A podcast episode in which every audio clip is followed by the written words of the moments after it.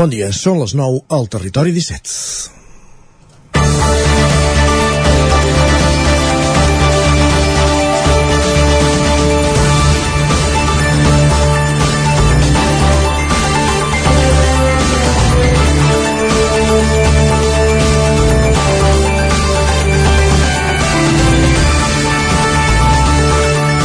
El president de la Generalitat, Pere Aragonès, i la consellera d'Acció Climàtica, Alimentació i Agenda Rural, Teresa Jordà, presentaven ahir el full de ruta del govern per accelerar la transició energètica a Catalunya. El punt de partida serà la modificació del decret d'energies renovables amb l'objectiu d'afrontar el repte urgent i inajornable, segons Aragonès, de donar resposta a l'emergència climàtica i desenvolupar un model propi de país. El pla preveu la creació d'una xarxa d'oficines tècniques per donar suport als municipis, l'aprovació del pla territorial, la llei de transició energètica, la creació d'una energia d'una companyia energètica pública i l'impuls de l'aprofitament de la biomassa i el biogàs. Tot plegat ha de permetre descarbonitzar el país, reduint les emissions de gasos d'efecte hivernacle en un 55% l'any 2030 i arribant a la neutralitat d'emissions de carboni l'any 2050, segons el president de la Generalitat. El repte és tan urgent com majúscul, ho apuntava dimarts en aquest programa el responsable de l'Agència de l'Energia d'Osona, Gil Salvans. Cal posar plaques solars a les teulades, però això només generaria un 20% de l'energia necessària. La mesura ha d'anar acompanyada d'iniciatives com les comunitats energètiques que s'han començat a crear en alguns pobles d'Osona, però tot i això faran falta parcs de plaques solars o generadors d'energia eòlica. Per Osona es plantegen petits parcs que generin entre 3 i 5 megawatts. En total, calen unes 300 hectàrees de plaques solars. S'ha de consensuar amb el territori on van, però ningú pot qüestionar ja la seva necessitat. Comença el Territori 17, a la sintonia de Ràdio Cardedeu, la veu de Sant Joan, Ona Codinenca, Ràdio Vic i el Nou TV. Territori 17, amb Isaac Moreno i Jordi Sunyer.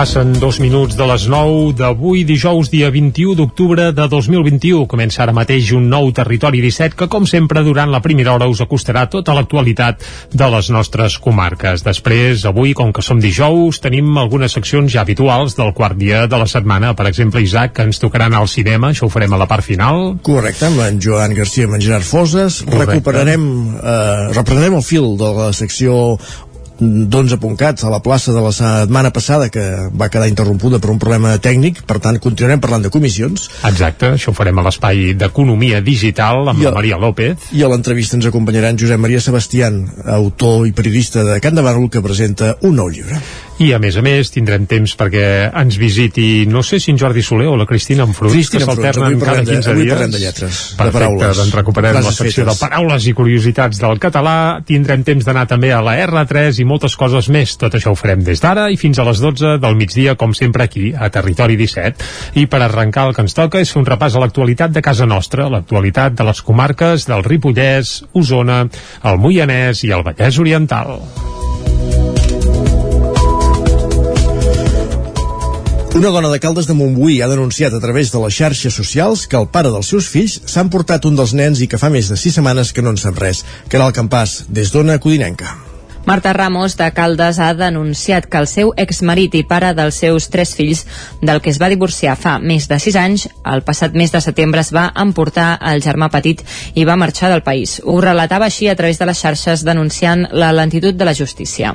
Hemos activado, yo y mi abogada, hemos activado todos los mecanismos posibles, todos los medios que la justicia pone a nuestro alcance, pero parece ser que los tiempos de la justicia no son los mismos que los de una madre y una familia a la que han robado a su hijo. Espero que este vídeo llegue a quien tenga que llegar.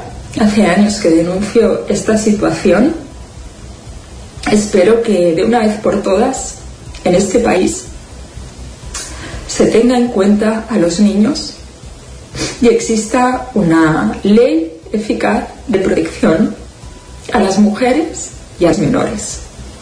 Segons ha pogut saber Ona Codinenca, Ramos estava avisada des del juny que l'exmarit volia marxar, però aquest ho va acabar fent de manera unilateral i emportant-se el fill. El pare s'ha endut el nen a Ucraïna, d'on és originari el progenitor, i des del dia 6 de setembre que la mare no en sap res.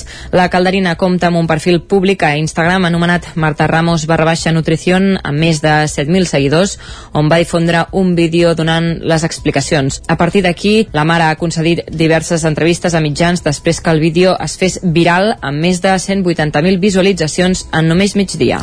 Els veïns de la zona de la Vella de Vic han decidit amb els seus vots que es puguin fer millores al passeig Pep Ventura i a l'entorn de l'escola Vic Centre. Aquesta està la proposta guanyadora dels pressupostos participatius d'aquest 2021 per un valor de 200.000 euros. La millora del passeig Pep Ventura i de l'entorn de l'escola Vic Centre és la proposta guanyadora dels pressupostos participatius de la Vella. S'hi instal·laran diferents estructures de joc i exercici infantil, una tarima per actuacions musicals o activitats culturals, una font d'aigua i un punt de wifi gratuït. A més, s'eliminarà eliminaran els murs de l'entrada del passeig venint del Parc Balmes. El pressupost de les millores serà de 200.000 euros. Per tant, tota la partida dels pressupostos participatius es destinarà enguany a aquest sol projecte. Josep Ramon Soldavila és el regidor de participació de l'Ajuntament de Vic. Ara s'ha de fer el projecte executiu, primer de tot. De moment que tenim eren unes idees, amb una, una mica de preprojecte, però que ara s'ha d'efectuar primer de tot és el projecte eh, executiu. Llavors ha d'anar a contractació, licitació, doncs pot ser que passi algun any perquè, perquè estigui, perquè el puguem trepitjar el parc, el parc nou de, de, de, de Ventura. Eh? Però anirem, anirem a l'idea, és a dir, que com a mínim l'idea d'intenció és aquesta. Els veïns podien votar 12 projectes per la zona de la Vella. Recordem que Vic es divideix en tres zones en funció del cap gros al qual estan adscrits. A la votació hi van participar 596 persones, un 4,2% del cens, augmentant en gairebé un punt respecte al 2017, el darrer cop que va votar aquesta àrea de la ciutat. La tasca feta per les associacions i entitats és important a l'hora de fer propostes dels pressupostos i fer campanya per a projectes concrets. Ho explica Fabiola Mora, tècnica de participació ciutadana. Els pressupostos participatius amb aquests, amb aquests anys que portem, aquests 5 anys, sí, s'ha anat consolidant, la gent ja s'ho coneix més, però sí que ens falta molt... Eh, la gent diu, ostres, ja ho faré, ja votaré, ja... però també falta molt empaitar la gent. També, també normalment a mitja legislatura sempre ens coincideix amb altres processos i, i de vegades a la mateixa zona, no? el pla estratègic del remei també va coincidir amb això. Llavors són, van bastant paral·lels, però sí que la ciutadania el, els té més interioritzats i sobretot les entitats que ho aprofiten com una oportunitat que és els pressupostos participatius. La proposta guanyadora va rebre 550 vots. En segon lloc, amb 515 va quedar la proposta d'intervencions al carrer de la Riera i al carrer Sant Pere. I per darrere hi van quedar millores al centre cívic i a l'skate park de la Guixa. L'eruga del boix disminueix el Ripollès durant aquest 2021. Isaac Muntades, des de la veu de Sant Joan. Enguany, l'eruga defoliadora del boix, que s'alimenta de les fulles d'aquest arbust durant el seu desenvolupament, no ha causat tants estralls com en anys anteriors al Ripollès. Aquesta papallona nocturna invasora i molt agressiva es va detectar per primer cop a Catalunya, a la Garrotxa, ara fa uns 7 anys, i sobretot en els tres últims s'ha propagat massivament pel Ripollès, però aquest 2021 s'ha prodigat menys. El cap del Servei de Sanitat Vegetal de la Generalitat de Catalunya, Jordi Giné, va detallar que la plaga ha arribat més més tard, que la generació de l'agost va ser molt inferior a la del 2020 i que s'han endarrerit les generacions, tot i que ara a finals de setembre n'hi va haver una de nova. Amb tot, hi ha altres zones de Catalunya com el Solsonès i el Berguedà que sí que han patit les conseqüències de la plaga. Pel que fa al Ripollès han detectat que les trampes posades a més altura com a Set Cases o el Catllà hi ha menys afectació. Cal recordar que al Ripollès va haver-hi un primer pic de la plaga molt important l'any 2019 que es va triplicar el 2020. A finals de novembre els agents rurals podran detallar com ha evolucionat la papallona del boix al territori. Giner també va recordar que no tenen parasitoides efectius per controlar la plaga. Des del principi estem fent assajos i proves i una de les proves que fem és en parasitoids i el nivell de parasitisme és molt baix. És a dir, tant de bo aquests parasitoids hagin pogut arribar a controlar la plaga. Però no, no, realment no és així. És un any, ja dic, no ens ha passat solament amb aquesta plaga, sinó amb altres, de que hi ha hagut, degut a, a aquestes temperatures i a moments determinats, de que ha evolucionat la plaga, no ha sigut les condicions òptimes per ella per, per evolucionar. Mm -hmm. Un biòleg, un expert, que eh, està buscant parasitoids, busca erugues, a veure, parasitades, a veure quins són els, els més abundants, per si algun dia poguéssim alliberar. Però això, és, això està en estudi encara. Mm. Giner també va advertir que els darrers anys estan patint molts tipus de plagues diferents. Venen molta cosa, molta cosa en fusta, en fusta que ve de, de Xina i, i en vehicles i tal. Tenim una plaga que ens preocupa molt, que és el bernat marbrejat. De moment aquest any tampoc ens pensàvem que aquest any inferior es dispararia com es va disparar a Itàlia, i no s'ha disparat, però ens preocupa molt perquè a la fruita i a les, i a les horta, a l'horta li afecta molt. Tenim una nova plaga del, del cítrics, que és el cotonet de Sud-àfrica, es diu de Sud-àfrica perquè viu de Sud-àfrica, també a València està fent un mal terrible i nosaltres estem més focus a Catalunya. Després hi ha una plaga que està afectant els garrofers i los sandros, que també ens ha vingut d'Àsia. En pocs anys ens, est ens estan ametrallant amb, amb insectes nous eh, d'aquests que no sabem si s'acabaran establint o no. En tot cas, Gine va dir que encara tocarà patir pel boix perquè la plaga no ha desaparegut. Una nova rentadora de l'empresa Girbau de Vic rep el Premi Catalunya d'Ecodisseny. La màquina destaca per l'estalvi energètic i perquè el sistema es pot gestionar a distància. Girbau ha rebut un dels Premis Catalunya d'Ecodisseny 2021 que convoca cada dos anys el Departament d'Acció Climàtica, Alimentació i Agenda Rural de la Generalitat. Concretament els han guardonat en la categoria Producte en Desenvolupament per la rentadora sostenible GS 7018. La màquina encara no està al mercat, però hi arribarà en els propers mesos. És de la de denominada gamma petita, on s'inclouen les màquines en capacitat de 9 a 32 quilos de roba. A més de considerar diferents aspectes d'eficiència energètica i cura de la roba, la nova màquina va connectada a internet i a través de la plataforma tecnològica Safire, desenvolupada per la mateixa companyia i d'un panell frontal tàctil, es pot gestionar, adaptar i actualitzar. En l'aspecte ambiental, la GS 7018 també fa un pas més i permet un estalvi important d'aigua. També destaquen les altes revolucions del centrifugat, superior a games anteriors i les de la competència, que fa que la roba surti més eixuta i, per tant, s'estalvia temps i energia a la secadora. La màquina està pensada per punts d'autoservei, restaurants, hotels, embogaderies petites, clíniques veterinàries, serveis públics o fins i tot tintoreries, perquè és un substitut del rentat en sec sense contaminar. L'Associació Espanyola de Gestors de Flotes i de Mobilitat ha organitzat al circuit de Montmeló la sisena edició de l'Ecofleet Meeting Point, tot un referent pel que fa a la mobilitat més respectuosa amb el medi ambient. David Oladell, des de Ràdio Televisió de Cardedeu. Des de la primera edició, l'EcoFleet Meeting Point, tots els vehicles presentats es caracteritzen pel seu baix impacte ambiental, com totes aquestes novetats de cotxes que són o 100% elèctrics o híbrids endollables.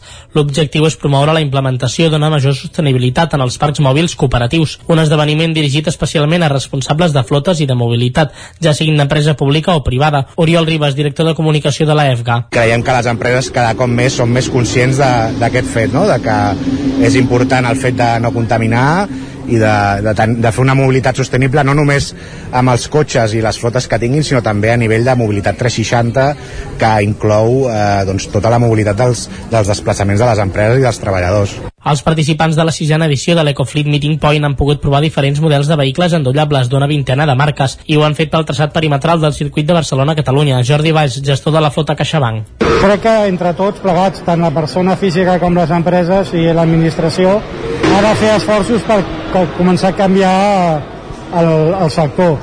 Nosaltres ja fa aproximadament 3 anys vam començar a contemplar aquesta alternativa perquè també volem estar en, el, en la foto de sostenibilitat i de baixada d'emissions i vam començar a plantejar doncs, l'alternativa de híbrids enxufables i híbrids no enxufables. A banda de la presentació i prova de vehicles, la jornada també ha comptat amb ponències d'experts en mobilitat sostenible, on s'han abordat temes com les solucions de recàrrega per vehicles elèctrics. Una altra de les xerrades s'ha centrat en les ajudes públiques a la compra de vehicles elèctrics que fa pocs dies ha activat la Generalitat de Catalunya amb una dotació de 65 milions d'euros. Del 25 al 30 d'octubre, Vic acollirà la tercera edició del programa Llegir Més. Aquest any se centrarà en el còmic i s'adreça a un públic de totes les edats amb l'objectiu de fomentar la lectura. El còmic és el gènere que marcarà la tercera edició del Llegim Més, que es farà del 25 al 30 d'octubre a Vic. Dirigida a infants d'entre 6 i 12 anys en la primera edició i a joves d'entre 12 i 14 a la segona, per primera vegada i com a novetat, el programa s'adreça a la ciutadania en general. El que no canvia respecte a les últimes edicions és l'objectiu. Ho detalla Esther Ferrés, directora de la Biblioteca Joan Triadú. Fer de Vic una ciutat lectora, no? Perquè la lectura sigui present a tots els racons de la ciutat i per posar de relleu doncs, la gran quantitat de llibreries que tenim les biblioteques que tenim, les editorials que tenim a Vic, no? i treballar tots conjuntament per, per fomentar l'hàbit de la lectura entre la ciutadania. Per Ramon Sallés, responsable de la llibreria Crític de Vic, el còmic és la porta d'entrada de multitud de lectors, un gènere transversal que assegura no es pot associar a un públic determinat. Ramon Sallés. I, sobretot, extendre-ho més i trencar, com si poguéssim dir, tabús de cara a la gent que continua pensant que el còmic, per antonomàsia, és cosa per nens petits. En realitat, com he dit abans, qualsevol cosa que tu busquis, en el còmic hi trobaràs. Durant sis dies, les diferents llibreries de Vic programaran xerrades, tallers, sessions de contes i exposicions al voltant del còmic i la novel·la gràfica. Des de l'Ajuntament celebren la xarxa de col·laboració que hi ha hagut des de l'inici entre agents públics i privats i remarquen la voluntat de donar continuïtat a la iniciativa. Acabem aquí aquest repàs informatiu del territori 17 que hem fet en companyia de David Auladell des de Ràdio Televisió de Cardedeu, Isaac Muntades des de la veu de Sant Joan, Caral Campàs des d'Ona Codinenca i Jordi Sunyer des dels estudis del 9FM. Amb tot seguit anirem a conèixer conèixer la previsió meteorològica.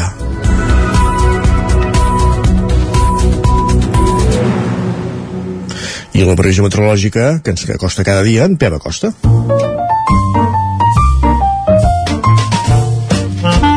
Casa Terradellos us ofereix el temps. I avui en Pep em sembla que el tenim content perquè s'acosten canvis, eh? Molt bon dia, Pep. Hola, molt bon dia. I molt bona hora. Què tal esteu? Eh, Benvinguts a l'espai del temps. Per fi, després de molts dies, de masses dies, diria jo, hi ha un petit canvi de temps. Hi ha un sistema frontal que ens està passant per sobre i això provocarà algun canvi. El primer és que està baixant ja a temperatura alta muntanya. Ah, per perquè- fi està baixant a temperatura alta muntanya, s'està acabant la inversió tèrmica, aquesta nit ja ha fet més fred a les cotes altes que a les cotes eh, baixes, l'aire fred ja no s'ha estancat eh, a les cotes baixes, mínimes cap alta muntanya entre els 2, 3, 4 graus, a les cotes baixes ha pujat temperatura entre 5 i 10 graus, i encara ha pujat una mica més cap a l'interior, cap al peritoral, eh, hi ha un petit eh, aire càlid allà estancat, hi ha núvols també, això fa que la temperatura no hagi baixat molt aquesta nit. Però estan canviant les coses, aquest front farà canviar l'ambient, netejarà l'atmosfera, entrarà vent, i a part, aquesta tarda els núvols n'hi ha a més. Aquest matí no, no, no crec que plogui, si plou farà de manera eh, molt, molt, molt poc important, sobretot que va prelitoral, però de cara a la tarda sí que la cosa es pot animar sobretot al Vallès Oriental. Al Vallès Oriental hi ha un avís del Servei Meteorològic de Catalunya que poden caure més alnites en mitja hora. També pot ploure a altres comarques, però farà de manera més feble. I per què plourà sobretot al Vallès Oriental? Doncs perquè entrarà la tramuntana, entrarà al mestral, i aquests dos vents, eh, bueno, és, és el mateix vent, eh, és el vent de nord, eh, fa mm, eh, que els núvols, la nuvolositat, les precipitacions eh, especialment caiguin en, en aquesta zona del peritoral sud, peritoral, peritoral central, i és que els vents, els vents generen una, una sèrie de, de nuvolositat en aquesta zona, eh, en aquesta zona del, del, del nostre país. És, és, un, és un mecanisme de, de vents eh, que es produeixen aquestes precipitacions avui, sobretot en aquesta zona de, del Vallès Oriental. És probable que caiguin tampoc no és segur. Jo crec que, que, que sí que plourà, però anirem veient al, al llarg del dia què acaba passant. El que és segur és que aquest front farà baixar la temperatura, tindrem les mínimes al final del dia, tindrem vent, sobretot les zones altes del Pirineu, Núria, Ull de Ter, tindrem cops de 70, 80, 90 metres per hora, no és una situació extrema de perill ni molt menys, però sí que entrarà aquest vent una mica fort. I pot haver també alguna precipitació, sobretot cap al Ripollès, al nord del Ripollès, a alta muntanya, nevar, baixar la cota de neu de 2.800 a 2.000 metres al final del dia, una enfarinada, molt poca cosa, i això sí, eh, eh, un poble més és, com he dit abans, cap al Vallès Oriental, hi ha un avís, eh, una precaució perquè pot haver una tempesta eh, forta. I això és tot. esperem que aquest front ens aporti alguna mica de precipitació Neu i el i que tot. segur és que ens portarà un canvi de peces, un canvi de situació meteorològica, Ja fa falta. vent de nord, baixada de temperatures i per fi un ambient més, eh, més acorde amb l'època de l'any. Déu t'escolti. Moltes gràcies, adeu.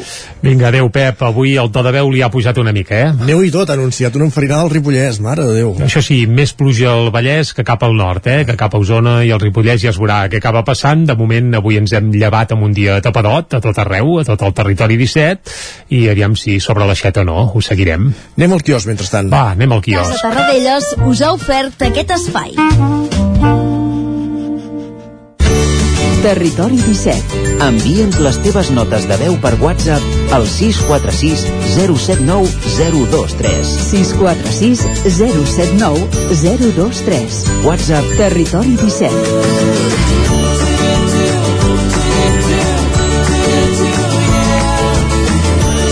Territori 17. Som a Facebook, Twitter i Instagram amb l'usuari Territori 17.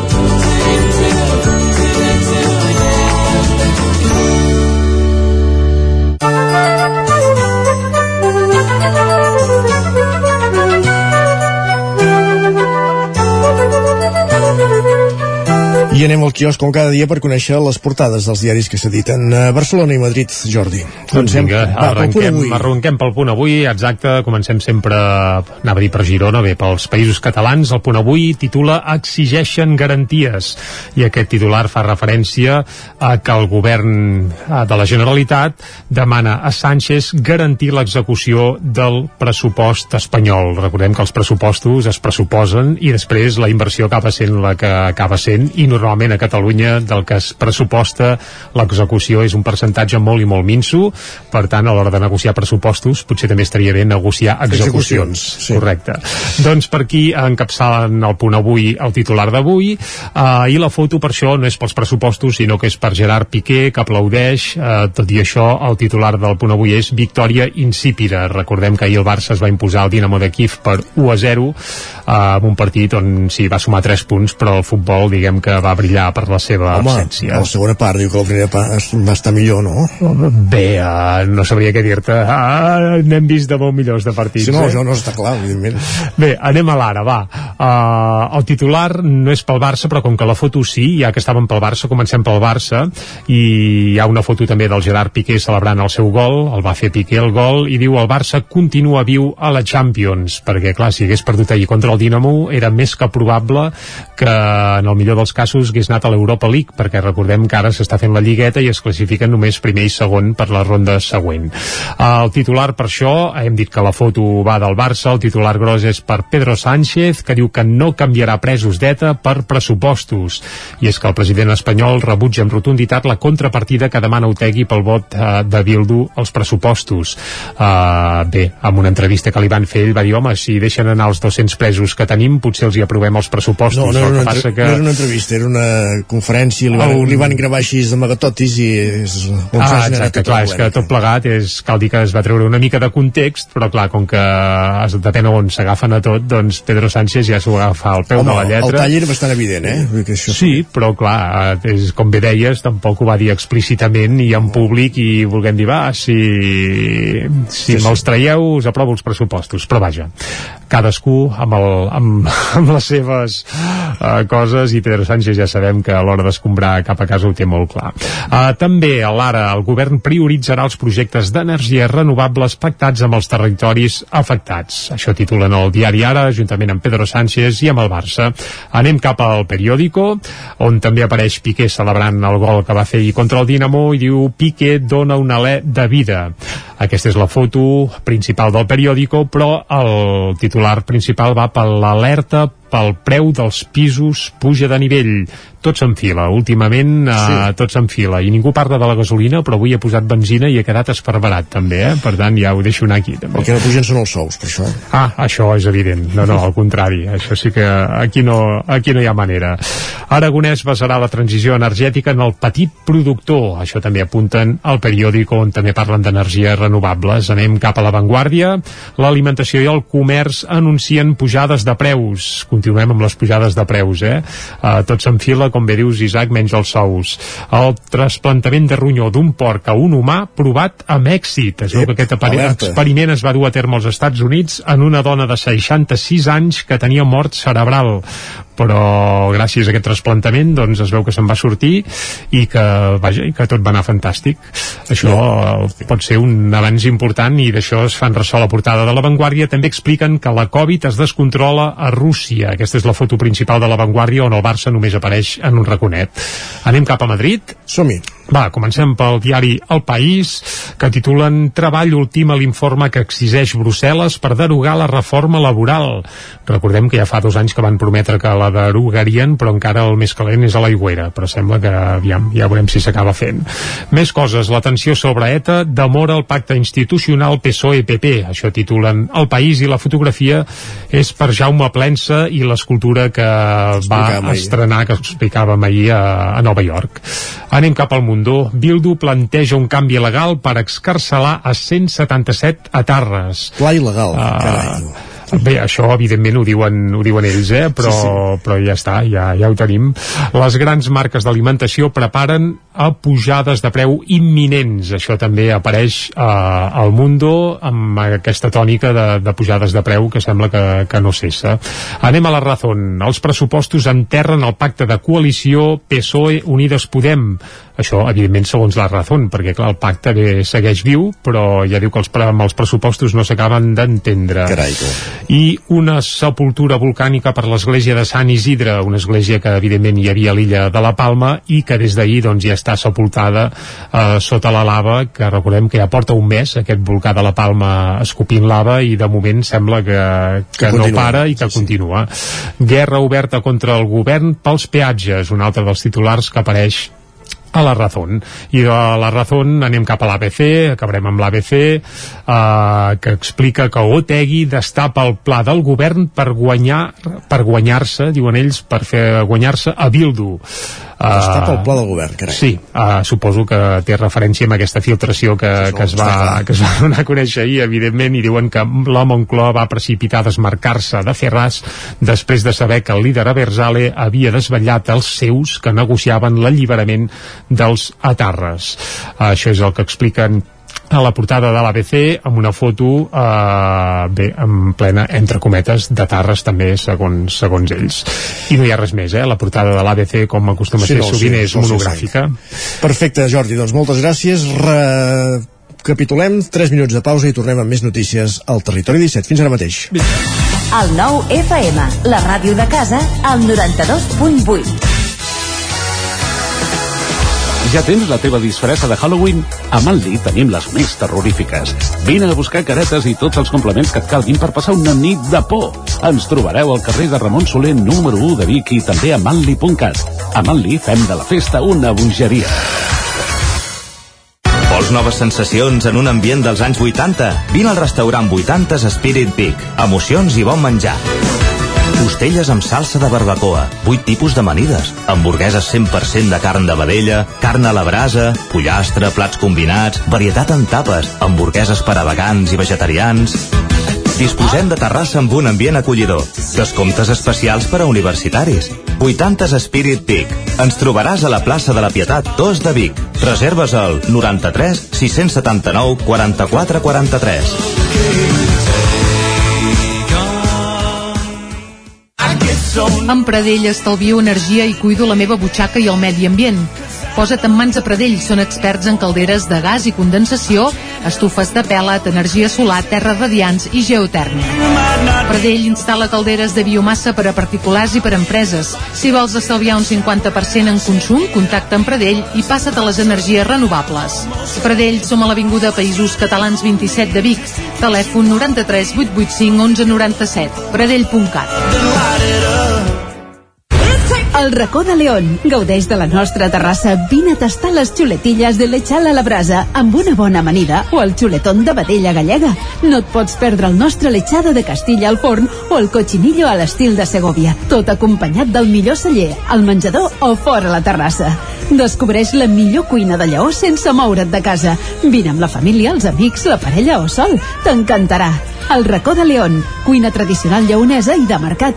Som al carrer Torelló número 35 de Vic. Per reserves, telèfon 93 889 1950. El racó de León, una cuina diferent. Som especialistes en cargols a la llauna. Vine a tastar-los al racó de León.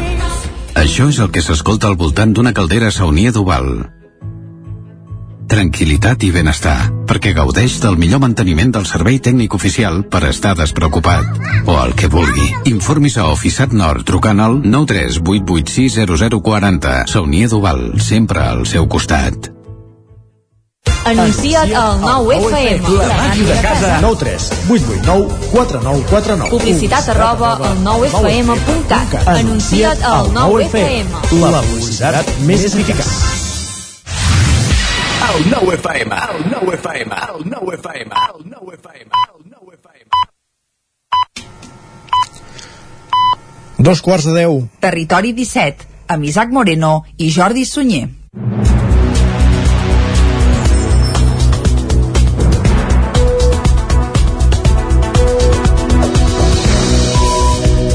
I a dos quarts de deu en punt arriba el moment d'acostar-vos de nou tota l'actualitat de casa nostra. Avui que som dijous, dia 21, 21 d'octubre de, de, de, de 2021, 21, 21, tot va de 21 avui, eh? Guaita, com la nostra edat, pràcticament.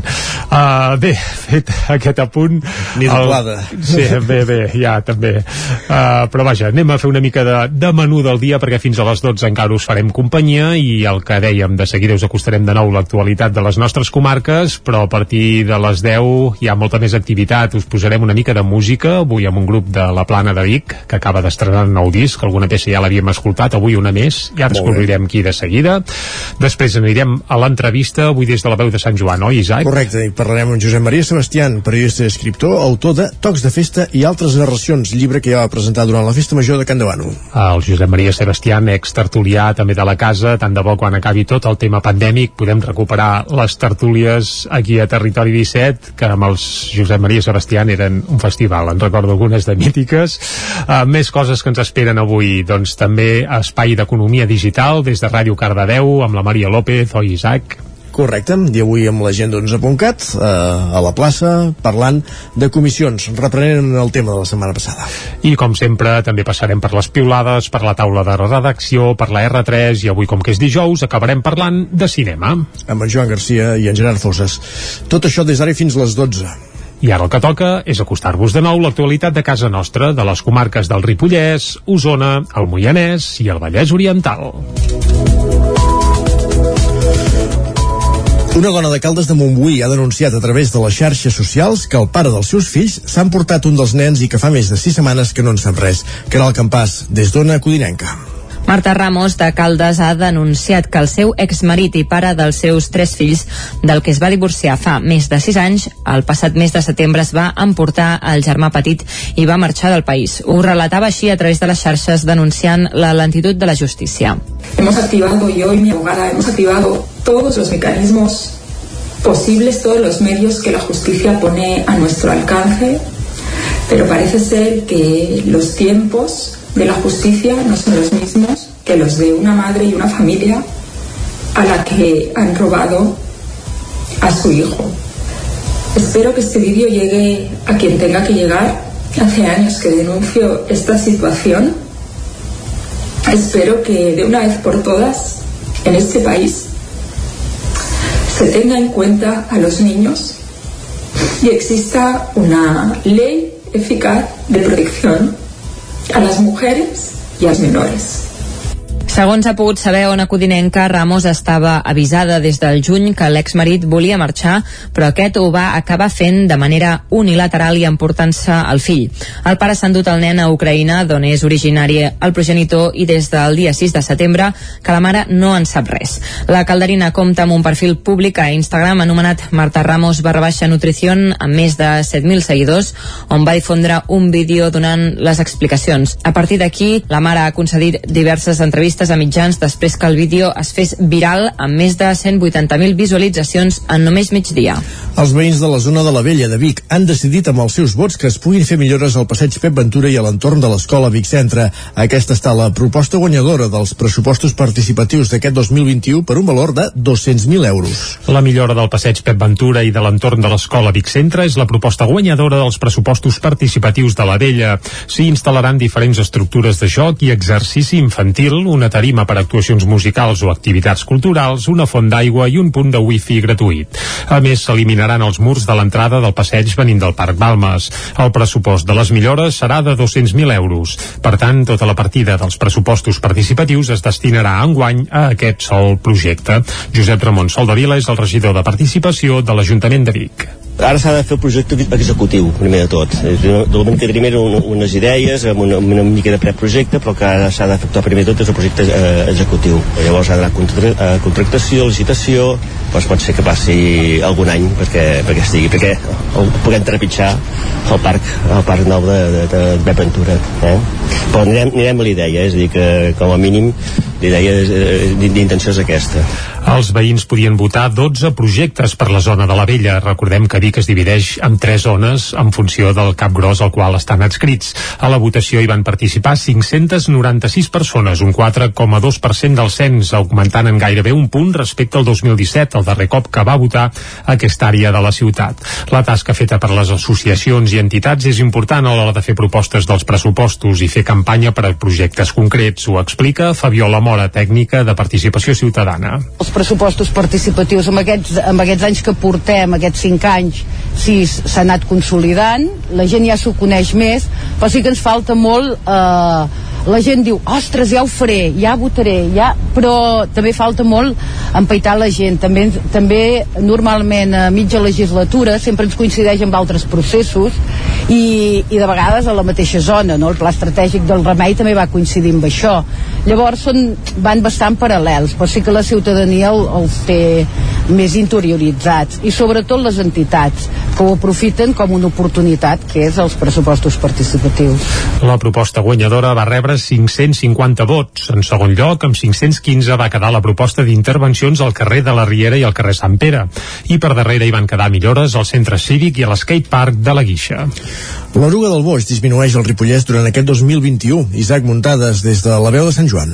Enguany, l'eruga defoliadora del boix, que s'alimenta de les fulles d'aquest arbust durant el seu desenvolupament, no ha causat tants estralls com en anys anteriors al Ripollès. Aquesta papallona nocturna invasora i molt agressiva es va detectar per primer cop a Catalunya, a la Garrotxa, ara fa uns 7 anys, i sobretot en els tres últims s'ha propagat massivament pel Ripollès, però aquest 2021 s'ha prodigat menys. El cap del Servei de Sanitat Vegetal de la Generalitat de Catalunya, Jordi Giné, va detallar que la plaga ha arribat més tard, que la generació de l'agost va ser molt inferior a la del 2020 i que s'han endarrerit les generacions, tot i que ara a finals de setembre n'hi va haver una de nova. Amb tot, hi ha altres zones de Catalunya com el Solsonès i el Berguedà que sí que han patit les conseqüències de la plaga. Pel que fa al Ripollès han detectat que les trampes posades a més altura com a Set Cases o el Catllà hi ha menys afectació. Cal recordar que al Ripollès va haver-hi un primer pic de la plaga molt important l'any 2019 que es va triplicar el 2020. A finals de novembre els agents rurals podran detallar com ha evolucionat la papallona del boix al territori. Giné també va recordar que no tenen parasitoides efectius per controlar la plaga. Des del principi estem fent assajos i proves i una de les proves que fem és pas en parasitoids i el nivell de parasitisme és molt baix. És a dir, tant de bo eh, aquests parasitoids hagin pogut arribar a controlar la plaga. Però no, no, realment no és així. És un any, ja dic, no ens ha passat solament aquesta plaga, sinó amb altres, que hi ha hagut,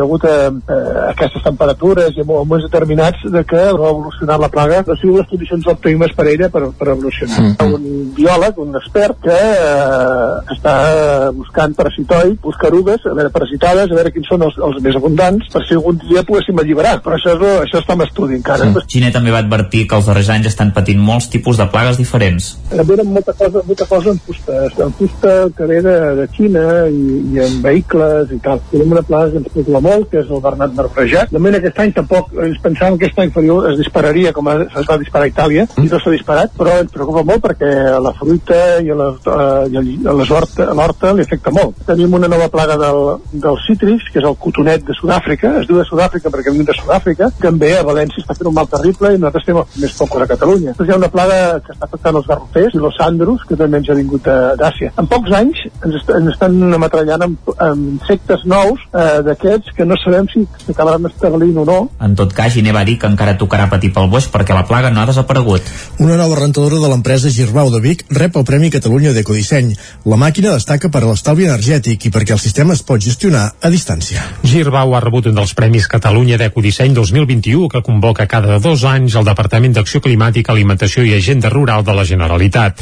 Concretament els han guardonat en la categoria Producte en Desenvolupament per la rentadora sostenible GS7018. La màquina encara no està al mercat, però hi arribarà en els propers mesos. És de la de denominada gamma petita, on s'inclouen les màquines en capacitat de 9 a 32 quilos de roba.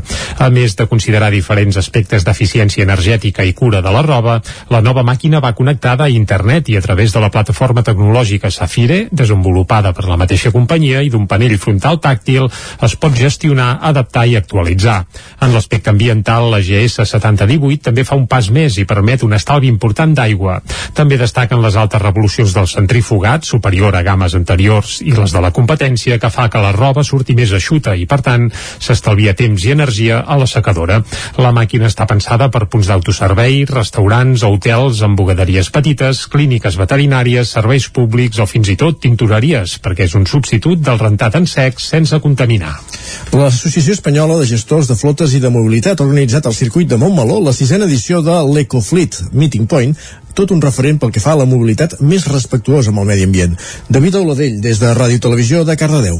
Des de la primera edició, l'EcoFleet Meeting Point, tots els vehicles presentats es caracteritzen pel seu baix impacte ambiental, com totes aquestes novetats de cotxes que són o 100% elèctrics o híbrids endollables. L'objectiu és promoure la implementació d'una major sostenibilitat en els parcs mòbils cooperatius, un esdeveniment dirigit especialment a responsables de flotes i de mobilitat, ja siguin d'empresa pública o privada. Oriol Ribas, director de comunicació de la EFGA. Creiem que les empreses cada cop més som més conscients d'aquest fet, no? de que és important el fet de no contaminar i de, de, de fer una mobilitat sostenible no només amb els cotxes i les flotes que tinguin, sinó també a nivell de mobilitat 360 que inclou eh, doncs, tota la mobilitat dels, dels desplaçaments de les empreses i dels treballadors. Els participants de la sisena edició de l'EcoFleet Meeting Point han pogut provar diferents models de vehicles endollables d'una vintena de marques i ho han fet pel traçat perimetral del circuit de Barcelona-Catalunya. Jordi Valls, gestor de la flota CaixaBank. Crec que entre tots plegats, tant la persona física com les empreses i l'administració, ha de fer esforços per, començar a canviar el, el sector. Nosaltres ja fa aproximadament 3 anys vam començar a contemplar aquesta alternativa perquè també volem estar en, el, en la foto de sostenibilitat i de baixada d'emissions i vam començar a plantejar doncs, l'alternativa de híbrids enxufables i híbrids no enxufables. A banda de la presentació i prova de vehicles, la jornada també ha comptat amb ponències d'experts en mobilitat sostenible, on s'han abordat temes com les solucions de recàrrega per vehicles elèctrics. Una altra de les xerrades s'ha centrat en les ajudes públiques a la compra de vehicles elèctrics que fa pocs dies ha activat la Generalitat de Catalunya amb una dotació de 65 milions d'euros.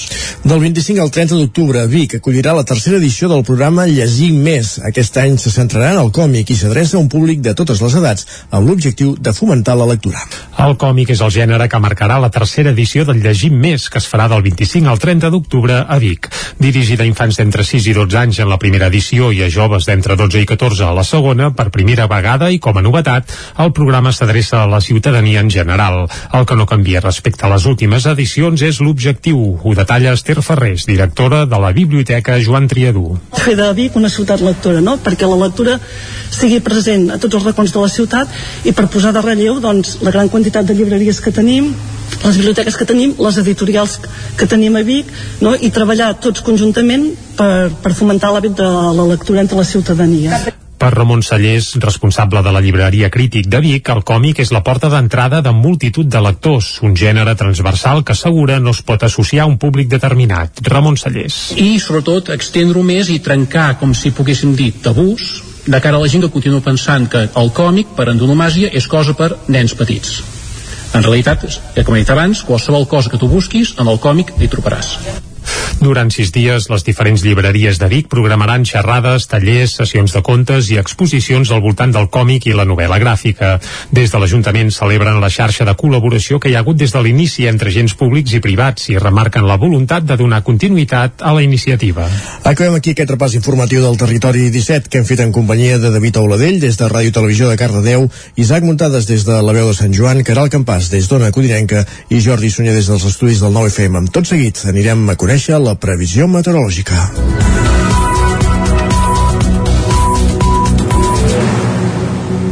I la previsió meteorològica que ens acosta cada dia en Pep Acosta.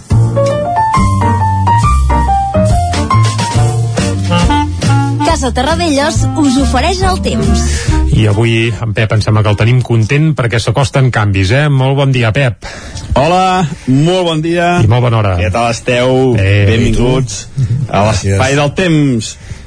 Per fi, després de molts dies, de masses dies, diria jo, hi ha un petit canvi de temps. Hi ha un sistema frontal que ens està passant per sobre i això provocarà algun canvi. El primer és que està baixant ja a temperatura alta muntanya. Ah, per que- fi està baixant a temperatura alta muntanya, s'està acabant la inversió tèrmica, aquesta nit ja ha fet més fred a les cotes altes que a les cotes eh, baixes, l'aire fred ja no s'ha estancat eh, a les cotes baixes, mínimes cap a alta muntanya entre els 2, 3, 4 graus, a les cotes baixes ha pujat temperatura entre 5 i 10 graus i encara ha pujat una mica més cap a l'interior, cap al peritoral eh, hi ha un petit eh, aire càlid allà estancat hi ha núvols també, això fa que la temperatura no hagi baixat molt aquesta nit. Però estan canviant les coses aquest front farà canviar l'ambient netejarà l'atmosfera entrarà vent i a part aquesta tarda els núvols n'hi a més aquest matí mm, no, no, no crec que plogui si plou farà de manera uh, molt molt molt poc eh, important sobretot que va al prelitoral però de cara a la tarda sí que la cosa es pot animar sobretot al Vallès Oriental. Al Vallès Oriental hi ha un avís del Servei Meteorològic de Catalunya que poden caure més de litres en mitja hora. També pot ploure a altres comarques, però farà de manera més feble. I per què plourà sobretot al Vallès Oriental? Doncs perquè entrarà la tramuntana, entrarà al mestral, i aquests dos vents, eh, bé, és, és el mateix vent, eh, és el vent de nord, eh, fa mm, eh, que els núvols, la nuvolositat, les precipitacions, eh, especialment caiguin en, en aquesta zona del peritoral sud, peritoral, peritoral central, i és que els vents, els vents eh, generen una, una sèrie de, de nuvolositat en aquesta zona, eh, en aquesta zona del, del, del nostre país. És, és, un, és un mecanisme de, de vents eh, que es produeixen aquestes precipitacions avui, sobretot en aquesta zona de, del Vallès Oriental. És probable que caiguin tampoc no és segur. Jo crec que, que, que sí que plourà, però anirem veient al, al llarg del dia què acaba passant. El que és segur és que aquest front farà baixar la temperatura, tindrem les mínimes al final del dia, tindrem vent, sobretot les zones altes del Pirineu, Núria, Ui de Ter, tindrem cops de 70, 80, 90 metres per hora, no és una situació extrema de perill ni molt menys, però sí que entrarà aquest vent una mica fort. Hi pot haver també alguna precipitació, sobretot cap al Ripollès, al nord del Ripollès, a alta muntanya, nevar, baixar la cota de neu de 2.800 a 2.000 metres al final del dia, una enfarinada, molt poca cosa, i això sí, eh, eh, un poble més és, com he dit abans, cap al Vallès Oriental, hi ha un avís, eh, una precaució perquè pot haver una tempesta eh, forta. I això és tot. Esperem que aquest front ens aporti alguna mica de precipitació, Neu i el que tot. segur és que ens portarà un canvi de peces, un canvi de situació meteorològica, Ja fa falta. vent de nord, baixada de temperatures i per fer un ambient més, eh, més acorde amb l'època de l'any. Déu t'escolti. Moltes gràcies, adeu.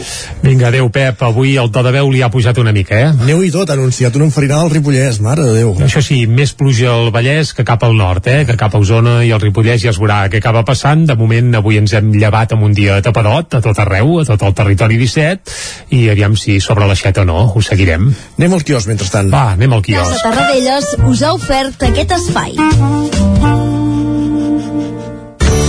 Territori 17.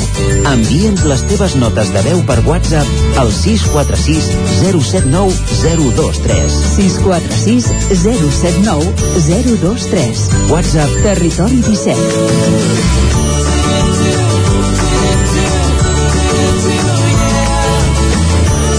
Territori 17. Som a Facebook, Twitter i Instagram amb l'usuari Territori 17.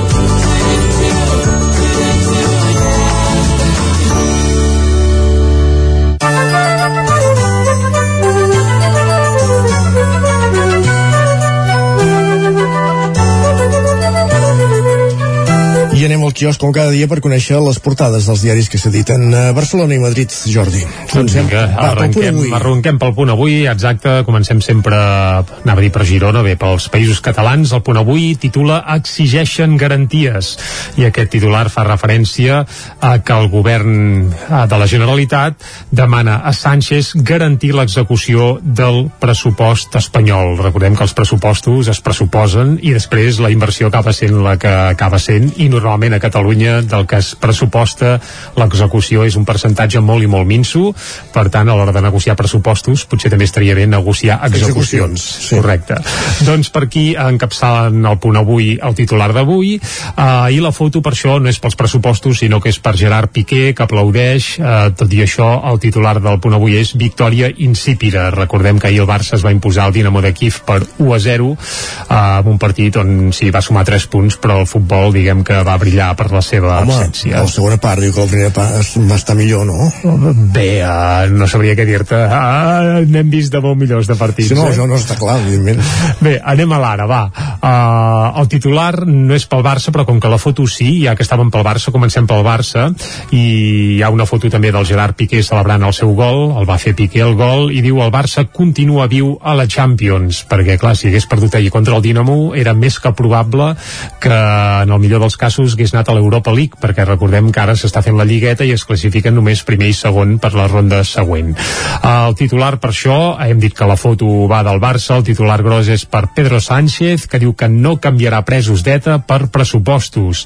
I és que el president espanyol rebutja amb rotunditat la contrapartida que demana Otegui pel vot eh, de Bildu als pressupostos. Uh, bé, amb una entrevista que li van fer, ell va dir, home, si deixen anar els 200 presos que tenim, potser els hi aprovem els pressupostos. No, no una, que passa entre... no era una entrevista, era una conferència, li van, Un- li van gravar així d'amagatotis i...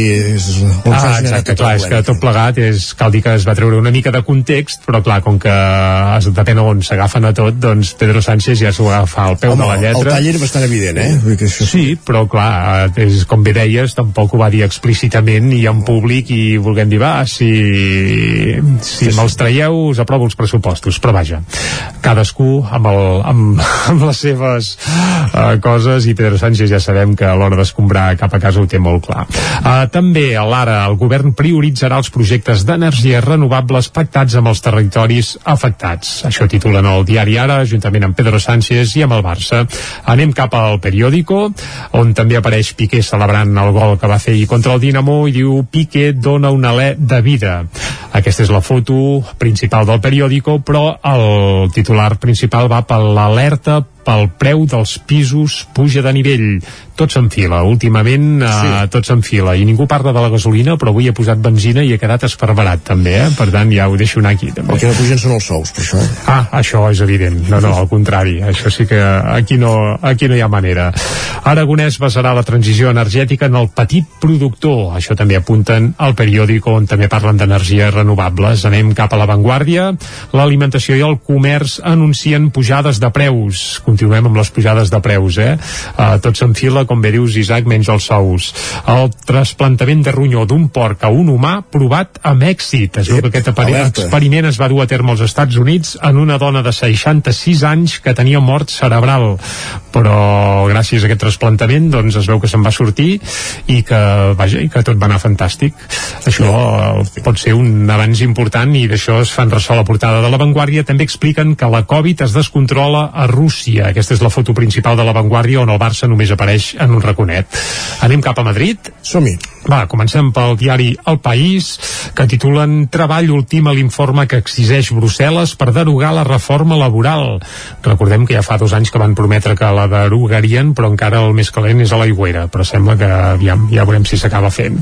Més coses, l'atenció sobre ETA demora el pacte institucional PSOE-PP. Això titulen El País i la fotografia és per Jaume Plensa i l'escultura que va ahir. estrenar, que explicàvem ahir a, a Nova York. Anem cap al Mundó. Bildu planteja un canvi legal per excarcelar a 177 atarres. Clar il·legal, carai. Bé, això evidentment ho diuen, ho diuen ells, eh? però, sí, sí. però ja està, ja, ja ho tenim. Les grans marques d'alimentació preparen a pujades de preu imminents. Això també apareix eh, al Mundo amb aquesta tònica de, de pujades de preu que sembla que, que no cessa. Anem a la Razón. Els pressupostos enterren el pacte de coalició PSOE Unides Podem. Això, evidentment, segons la Razón, perquè clar, el pacte bé, segueix viu, però ja diu que els, amb els pressupostos no s'acaben d'entendre. Carai. I una sepultura volcànica per l'església de Sant Isidre, una església que evidentment hi havia a l'illa de la Palma i que des d'ahir doncs, ja està sepultada eh, sota la lava, que recordem que ja porta un mes aquest volcà de la Palma escopint lava i de moment sembla que, que, Que no para i que continua. Guerra oberta contra el govern pels peatges, un altre dels titulars que apareix a la Razón. I de la Razón anem cap a l'ABC, acabarem amb l'ABC, eh, que explica que Otegi destapa el pla del govern per guanyar per guanyar-se, diuen ells, per fer guanyar-se a Bildu. Destapa el pla del govern, carai. Sí, uh, suposo que té referència amb aquesta filtració que, que, es va, que es va donar a conèixer ahir, evidentment, i diuen que la Moncloa va precipitar a desmarcar-se de Ferraz després de saber que el líder Aberzale havia desvetllat els seus que negociaven l'alliberament dels atarres.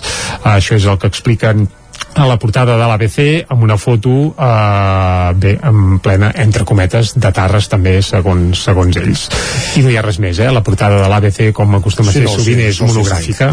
Portada de l'ABC amb una sola notícia, 5 minuts per les 10 i és moment de parlar de música, Jordi. Va, sí, parlem de música, deixem les portades enrere i avui ja ho hem avançat abans, eh, el que farem és escoltar una cançó d'un grup eh, de la Plana de Vic, concretament del Germaire. Fa uns dies ja van portar una de les peces d'aquest seu nou disc, un nou disc que es titula Gornal, que van presentar en el marc del Mercat de Música Viva d'aquest any mateix, tot i que quan el van presentar el disc físic encara no hi era, eh? per tant és allò que va arribar a vegades eh, bé, Com ho fas ara per comprar discos físics? Mm, oh, és complicat. Mira, jo, és, és a dir, quan són grups, ja t'ho explico, ras i curt, grups catalans, els hi compro directament al grup. concerts. A les, al Sí, al concert, concert, si vas, o a través de les webs dels grups, avui dia és molt fàcil que et Sí, facin sí, arribar això el disc físic i tothom te l'envia.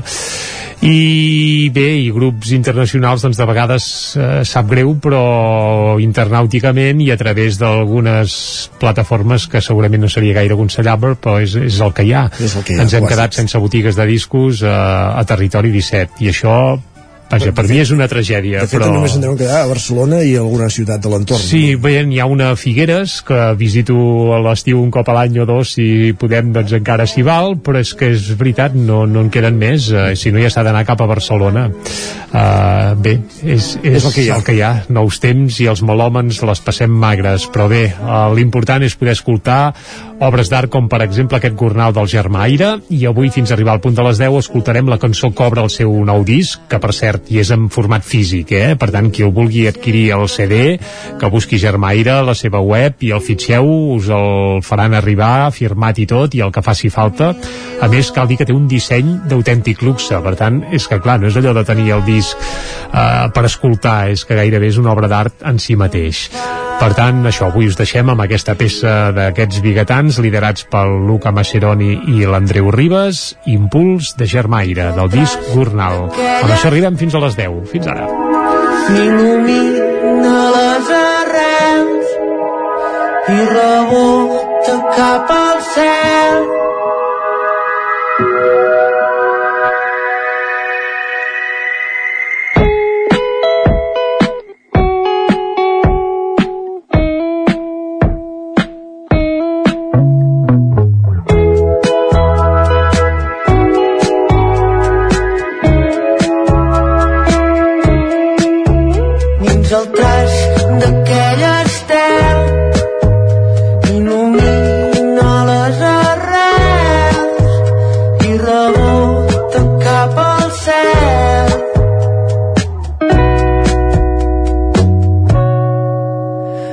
Aquest petit espai es va acostumant a tenir-me davant.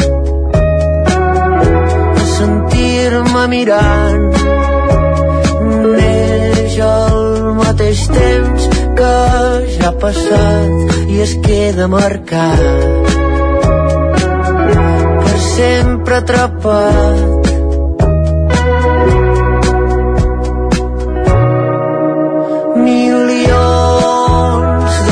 de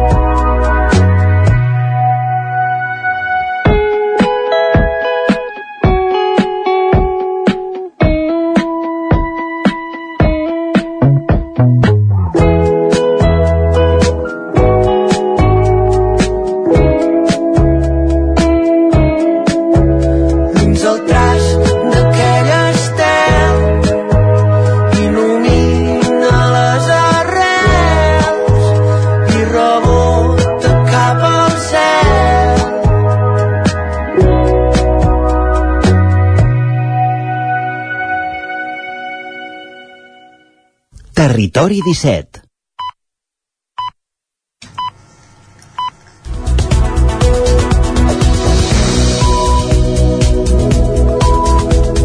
I a aquesta hora el que fem és fer un repàs a l'actualitat de les nostres comarques, de les comarques del territori 17, d'Osona, el Ripollès, el Vallès Oriental i el, Molle, i el Moianès des de les redaccions de les emissores que fem possible aquest programa.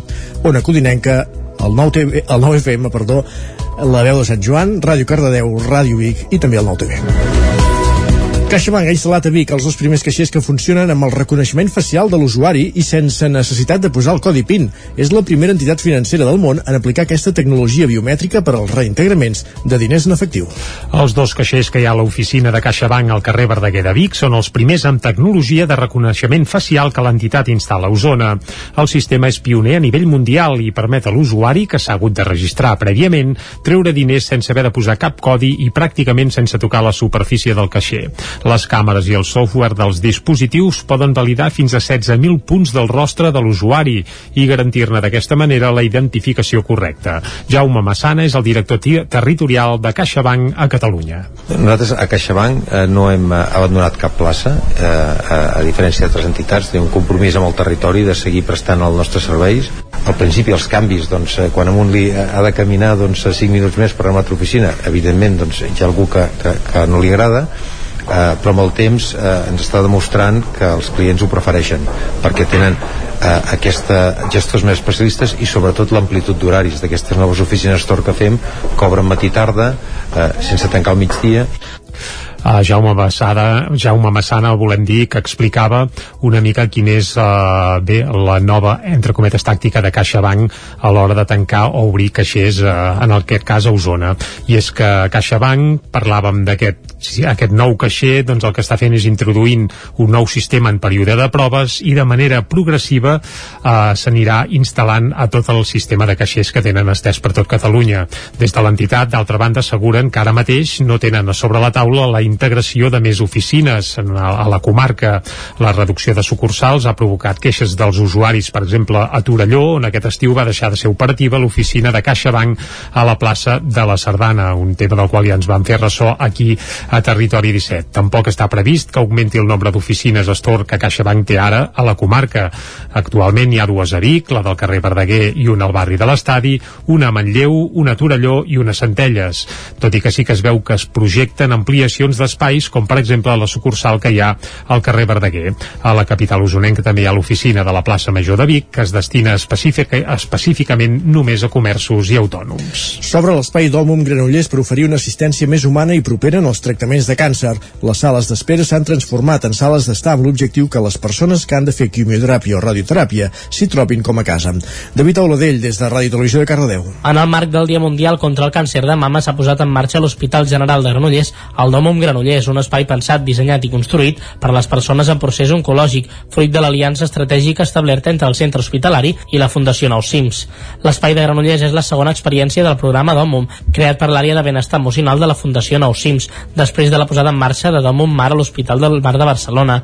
El programa planteja transformar les sales d'espera dels centres hospitalaris en sales d'estar on les persones que esperen per tractaments de quimioteràpia i radioteràpia s'hi trobin com a casa.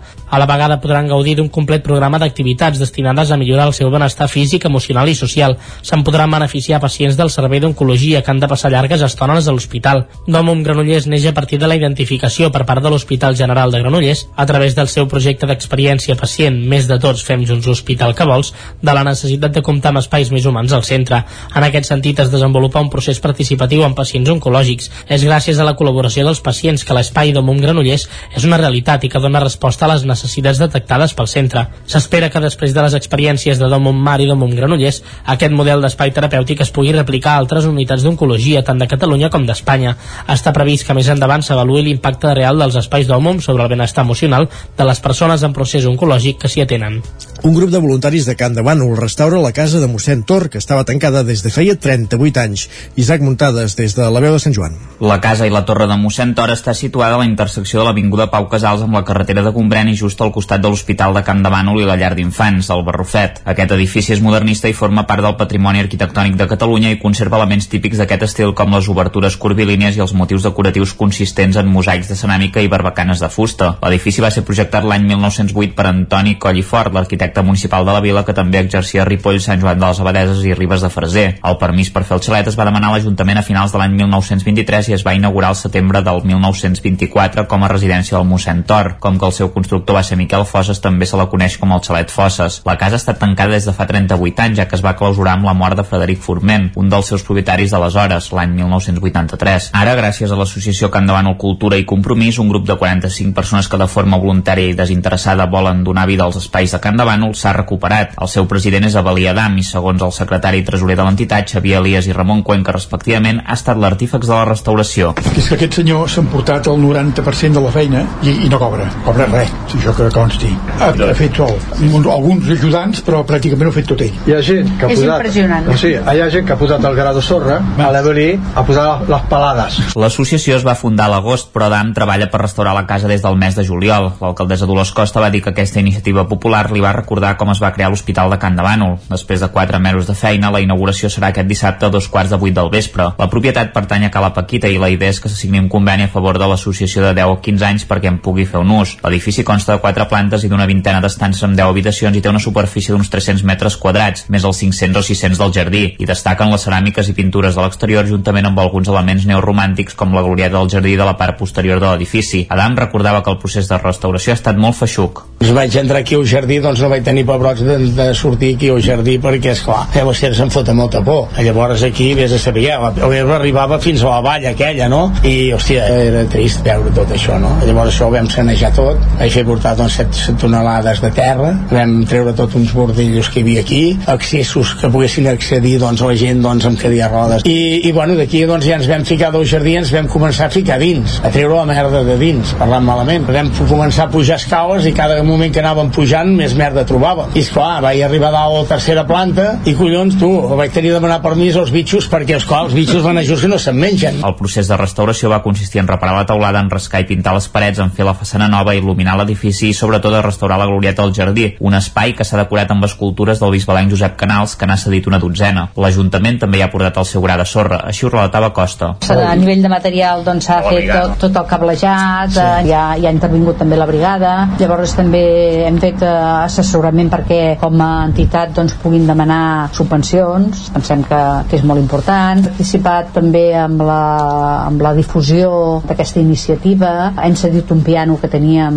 fa temps al centre cívic i que, que ara està aquí exposat a dintre de la casa i també doncs, cedirem fons d'arts que són propis de l'Ajuntament. Tots els voluntaris hi han aportat diners de la seva pròpia butxaca per millorar l'espai. L'edifici serà polivalent i s'hi podran fer tallers, exposicions, ubicar-hi un centre d'atenció turística o l'escola de música. De moment, per Nadal ja hi ha previst alguna sorpresa. No marxis gaire lluny, Isaac, perquè continuem parlant de l'Associació Capdavant Cultura i Compromís, que també ha impulsat un projecte per donar vida als aparadors locals abandonats del poble.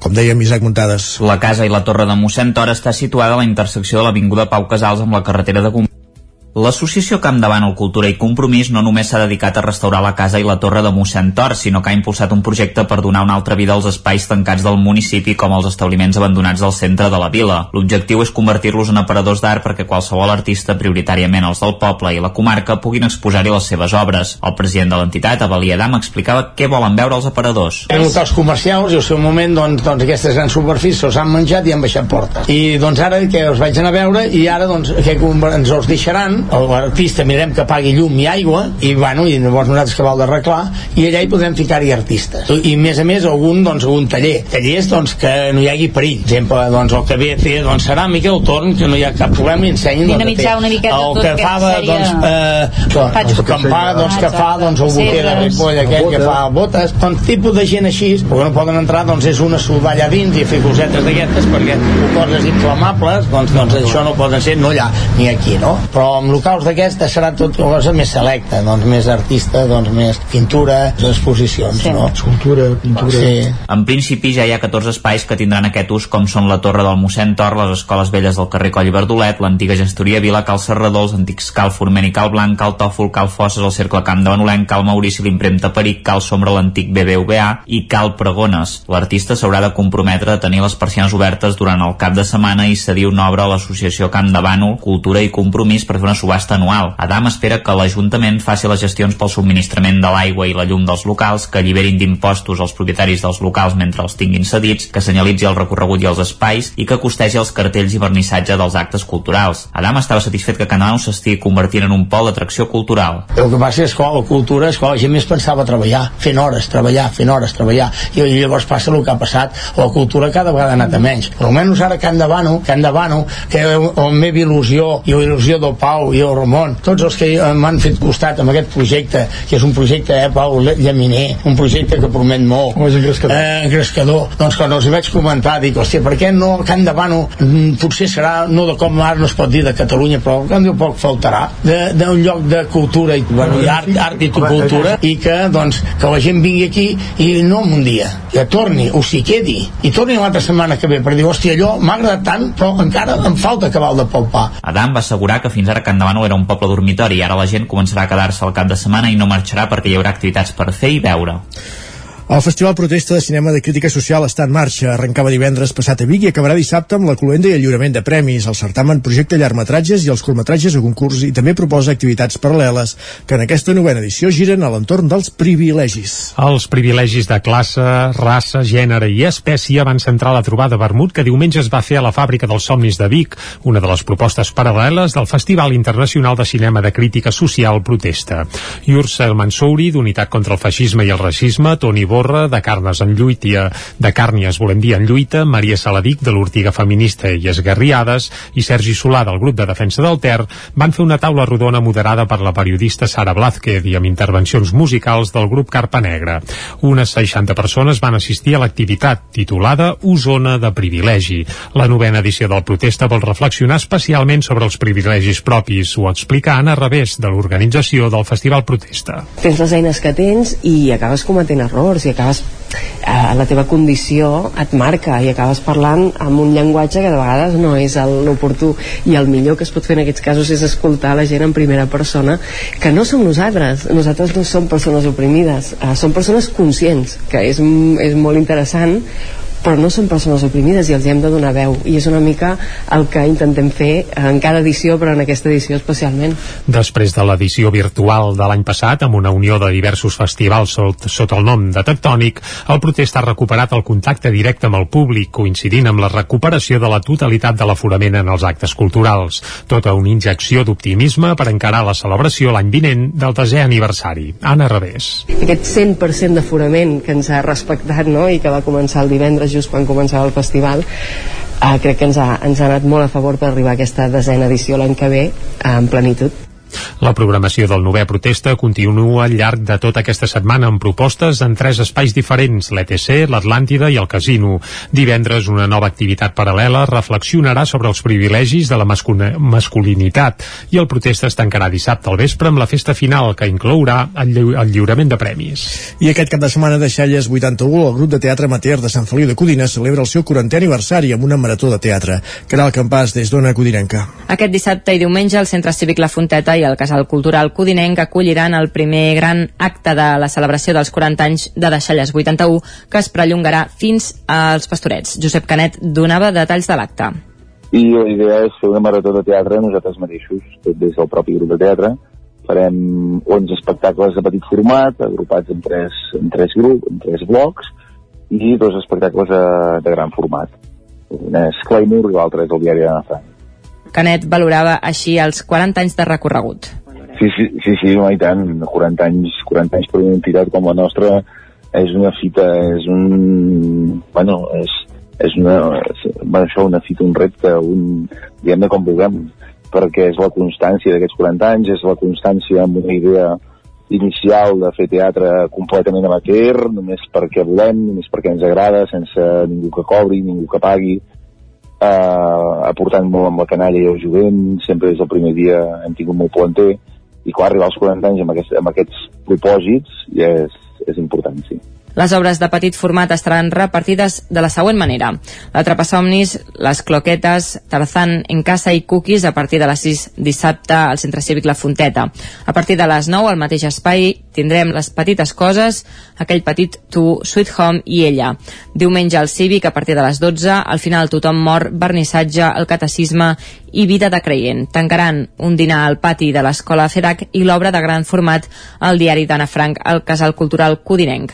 Per reservar entrades es pot fer a través del web de xalles81.cat. Casa Terradellos us ofereix el temps. I arribats a aquest punt és moment de conèixer la previsió meteorològica per les properes hores. I la previsió, com sempre, ens la porta en Pep Acosta, qui ja saludem de nou. Bon dia de nou, Pep. Hola, Ei, molt bon dia. I molt bona hora. Per fi, després de molts dies, Mhm. de masses dies, diria jo, hi ha un petit canvi de temps. Hi ha un sistema frontal que ens està passant per sobre i això provocarà algun canvi. Aquest matí mm, no, no, no crec que plogui, si plou farà de manera uh, molt molt, molt poc eh, important, sobretot que va al prelitoral, però de cara a la tarda sí que la cosa es pot animar sobretot al Vallès Oriental. Al Vallès Oriental hi ha un avís del Servei Meteorològic de Catalunya que poden caure més de nitres en mitja hora. També pot ploure a altres comarques, però farà de manera més feble. És probable que caiguin tampoc no és segur. Jo crec que, que, que sí que plourà, però anirem veient al, al llarg del dia què acaba passant. El que és segur és que aquest front farà baixar la temperatura, tindrem les mínimes al final del dia, tindrem vent, sobretot les zones altes del Pirineu, Núria i de Ter, tindrem cops de 70, 80, 90 metres per hora, no és una situació extrema de perill ni molt menys, però sí que entrarà aquest vent una mica fort. Hi pot haver també alguna precipitació, sobretot cap al Ripollès, al nord del Ripollès, a alta muntanya, nevar, baixar la cota de neu de 2.800 a 2.000 metres al final del dia, una enfarinada, molt poca cosa, i això sí, eh, uh, un poble més és, com he dit abans, cap al Vallès Oriental, hi ha un avís, uh, una precaució perquè pot haver una tempesta eh, forta. I això és tot. Esperem que aquest front ens aporti alguna mica de precipitació i el que és segur és que ens portarà un canvi de peces, un canvi de situació meteorològica, vent de nord, baixada de temperatures i per fi un ambient més, eh, més acorde amb l'època de l'any. Moltes gràcies i fins demà. Adeu. A tu, Pep. Tornem, parlem demà. Anem Exacte. ara per l'entrevista. Anem-hi. Casa Tarradellas us ha ofert aquest espai. Territori 17. Envia'ns les teves notes de veu per WhatsApp al 646 079 023. 646 079 023. WhatsApp Territori 17.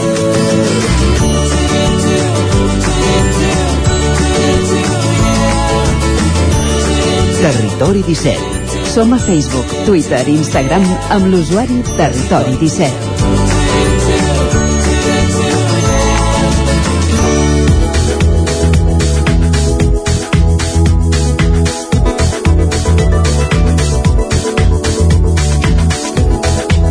Som-hi perquè farem salat, passen 3 minuts d'un quart d'onze i ja fa alguns mesos que vam tenir amb nosaltres Josep Maria Sebastián, aquest camp de, camp de Benolenc, nascut l'any 1956, periodista de professió, que va venir per, a presentar-nos el seu llibre a peu de balcó, postals des d'una finestra oberta.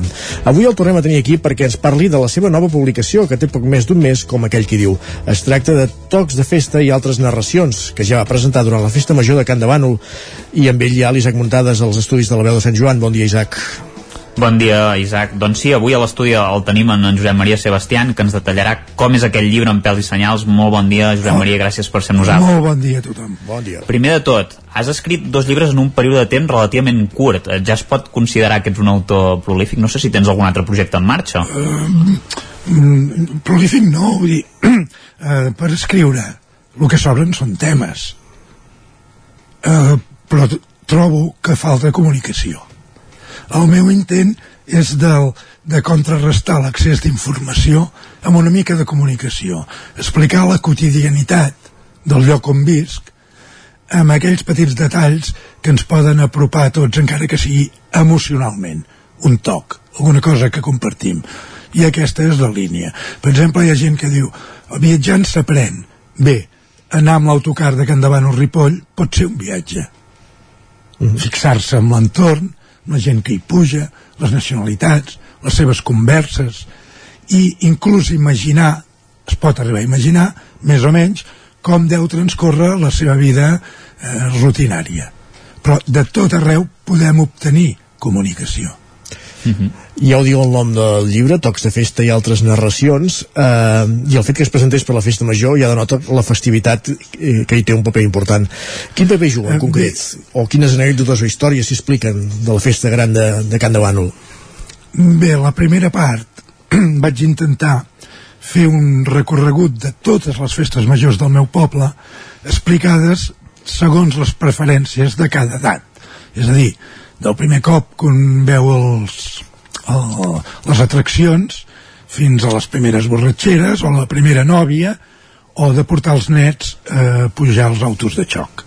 Vull dir, cada edat, la dansa, el menjar familiar, però és un, una descripció de festes majors no de la de Can Davano, sinó de com podien ser qualsevol poble. Aquí a Sant Joan, per exemple, sé que la festa major tenia molt de predicament. En llocs on es feia l'agost era diferent, la gent anava molt de vacances. Però per mi era com una cosa molt extraordinària. I a partir d'aquí em va semblar important reivindicar aquell moment en què una comunitat pren un camí comú cap a l'alegria o la festa. I aquest camí que sigui compartit. Uh -huh. I si, eh, si poden veure vivències personals, Josep Maria, és molt de Eh, vivències? N'hi ha de meves, n'hi ha d'altra gent, hi ha anècdotes de gent que l'ha viscut de prop, que més o menys tant podien haver passat a Can Davano com en qualsevol altre lloc. Vull dir, no hi ha res d'extraordinari, sinó és lo extraordinari que és en si el fet de la festa major. Mm -hmm. És prou extraordinari en si mateix com perquè no cal per afegir-hi més sorpreses o més... sinó que hi hagi un reconeixement que permeteix, que permet aquest tipus de comunicació que parlava. I l'altra part del llibre, que també hi ha una altra part del llibre, no? Bé, l'altra part hi ha un recull d'articles que publico diàriament al Facebook. Ho faig des de que va començar la pandèmia, cada dia un, i van molt diversos, des de vivències del poble, de botigues, alguna filosofada sobre alguna cosa que se m'acut, després hi ha com uns contes de ficció, i n'hi ha un de més llarg, no arriba a novel·la, però deu tenir forces pàgines, cap a 80, que ve a ser a partir d'una anècdota de, que havia sentit explicar a casa. Construeix una història fictícia. I en aquesta història hi va acompanyat el desenvolupament d'un tipus de gent que li va tocar la república, la guerra eh, l'amagar coses el dissimular condicions i obrir-se pas en els temps actuals. Aquesta està inclosa dintre, dintre aquest llibre. I de cara al futur em, tinc una novel·la feta negra que també parteix d'un fet que algú reconeix que, com que va, fa molts anys sembla ser que d'una font de Ripoll van rejar cabells d'una font pública i van trobar un cadàver a dintre. Doncs bé, construeixo al costat d'això una novel·la negra per investigar aquest cadàver en la qual hi ha reflectida una capital de comarques de ple franquisme. I tot el, eh, tot el, el sector de poder que hi ha en un poble d'aquestes característiques al voltant d'un fet eh, tan tèrbol com la mort d'una noia que exercia la prostitució. Uh -huh. La portada també és molt especial perquè és un dibuix de, de Joan Tardiu. Què s'hi representa, sí. Josep Maria? Què ens en pots dir? Eh, bé, a bé, en Tardiu eh, era un treballador de Can Davano, un, un treballador de la Farga, però d'aquells homes que neix amb la capacitat manual i mental de comunicar-se amb els demés, de fer les coses perquè tinguin alguna utilitat, no per donar-se autobombo. Dibuixava, forjava, esculpia, escrivia, formava part d'una revista, cantava, i entre els seus dibuixos, que els confonien amb l'Opiso, vaig trobar aquest, que és una festa dels Elois. Però en realitat el que jo volia no vam aconseguir l'original, que era a la plaça la rotllana buida, amb uns mm, nois i noies vestits de pagesos, ells enlairant les noies en l'aire, i al voltant gent torrada, un bevent de la bota de vi, un altre alçant una criatura, tal com és ara un lloc de concentració de la gent que és del poble. Uh mhm. -huh. A les xarxes socials, abans ho comentaves, ets molt actiu, sobretot a Facebook, Josep Maria. T'agrada molt escriure sobre Can de Bànol i, el, i els racons del poble. Si haguessis de dedicar un llibre a un indret eh, que no, que no hagis fet fins ara, quin seria? A un indret que no hagi fet ara... Eh, diríem el lloc on m'agradaria més estar en aquests moments. Sí. Nova Orleans Oh, carai. S'ha escrit molt sobre Nova Orleans, però aquesta seria la meva il·lusió, anar a veure el fenomen, per mi, l'únic fenomen important eh, dels últims segles, que va ser la unió de l'harmonia europea amb el ritme africà. És a dir, jo sempre dic que si eh, un membre d'una tribu africana i un aristòcrata anglès s'entenguessin, només seria si tots dos fossin músics. És l'única possibilitat. I a Nova Orleans això va passar. Mm -hmm. i m'interessa. I més la música m'agrada molt mm doncs esperem poder que hi puguis anar i que ens, ens en puguis fer algun relat. Uh, eh, eh, veure, tampoc em treu la son ah, ni crec ni crec que arribi mai a, a fer-ho. anar-hi.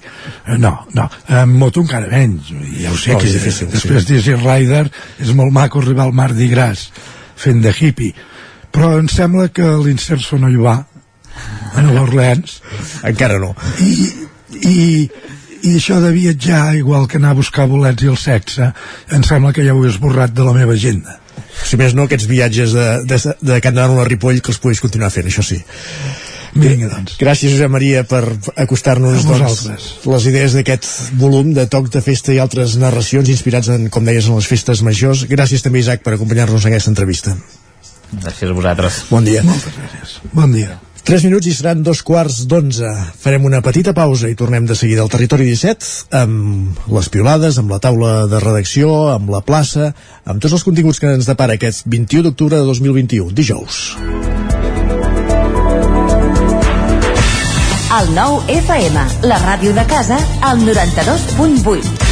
Vols noves sensacions en un ambient dels anys 80? Vine al restaurant 80 Spirit Peak. Emocions i bon menjar. Costelles amb salsa de barbacoa, 8 tipus d'amanides, hamburgueses 100% de carn de vedella, carn a la brasa, pollastre, plats combinats, varietat en tapes, hamburgueses per a vegans i vegetarians... Disposem de terrassa amb un ambient acollidor. Descomptes especials per a universitaris. 80 Spirit Peak. Ens trobaràs a la plaça de la Pietat 2 de Vic. Reserves al 93 679 44 43.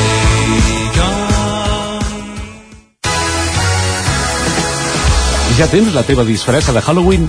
A Manli tenim les més terrorífiques. Vine a buscar caretes i tots els complements que et calguin per passar una nit de por. Ens trobareu al carrer de Ramon Soler número 1 de Vic i també a manli.cat. A Manli fem de la festa una bogeria. El 23 i 24 d'octubre la castanya torna a ser protagonista de Viladrau. Arriba la 26a Fira de la Castanya, una mostra única i sorprenent al voltant de la castanya, la tardor i el territori. Podràs gaudir d'espectacles familiars, cultura popular o tallers i endinsar-te al bosc per descobrir l'espectacular tardor del Montseny amb les visites guiades per veure els castanyers. I si tens gana, apunta de la degustació de tapes amb els restaurants de Viladrau.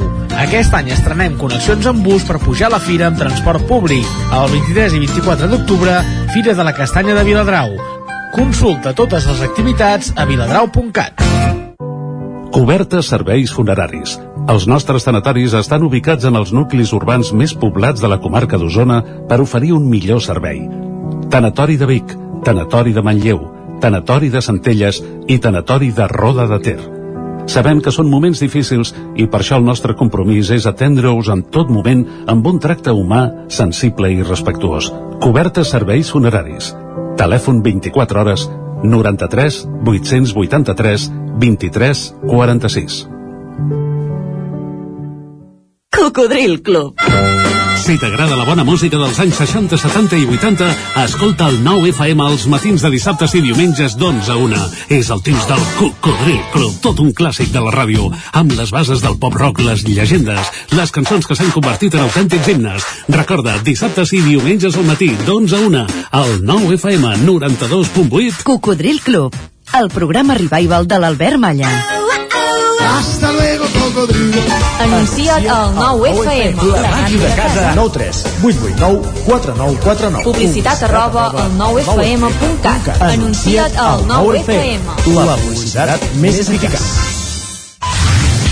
El 9FM, el 9FM, el 9FM, el 9FM. Són dos quarts d'onze.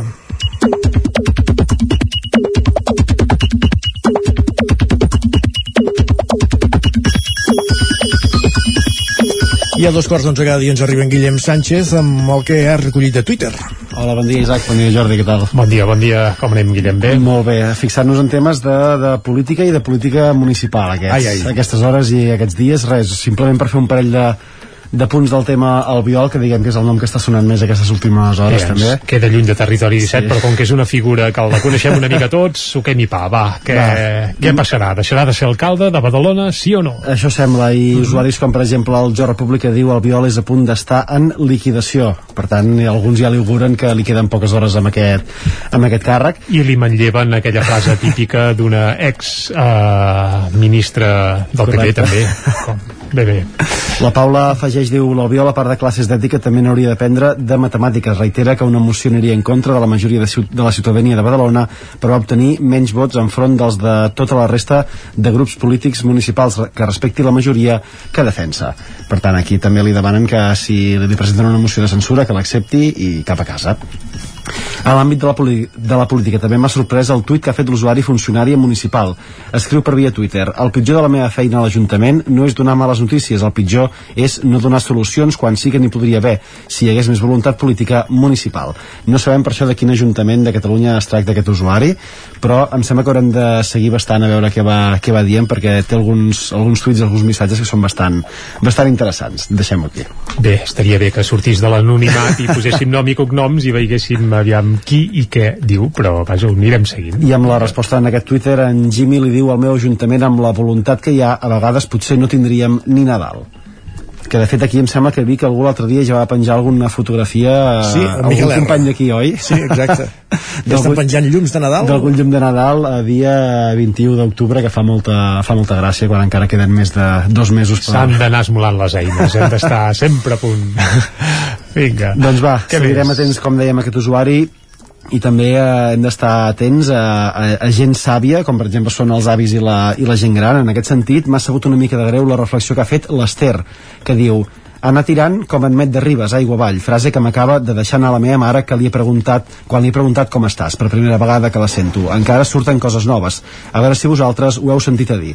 Man... Home, i tant, això és de tota la vida, anar tirant com en Met de Ribes. Per això que, uh, que... Això és un clàssic, oi, Isaac? Sí, sí, tant. Que, que m'ha sorprès moltíssim que no, que no sapigués aquesta usuària que, que hi havia aquesta, aquesta frase feta, i de fet en, en Pep li posa una mica de, de context i li diu jo sí, i la dic amb una variant, anar fent, com en Met de Ribes. Diuen que va caure al riu i el corrent se l'enduia i la gent cridava, Met com vas? I ell responia, anar fent per tant s'ha de... filosofia tot. tan fantàstica de vida això és fantàstic s'ha de fer servir s'ha de fer servir molt més del que, del que la fem servir l'Ester deu ser molt molt jove no vull dir l'Ester Rovira que ja ens acompanya aquí a l'estudi perquè de seguida la tindrem a la taula de redacció sinó la piulaire de la qual et feia ressò ara mateix també jove jo eh Oh, i tant, i tant.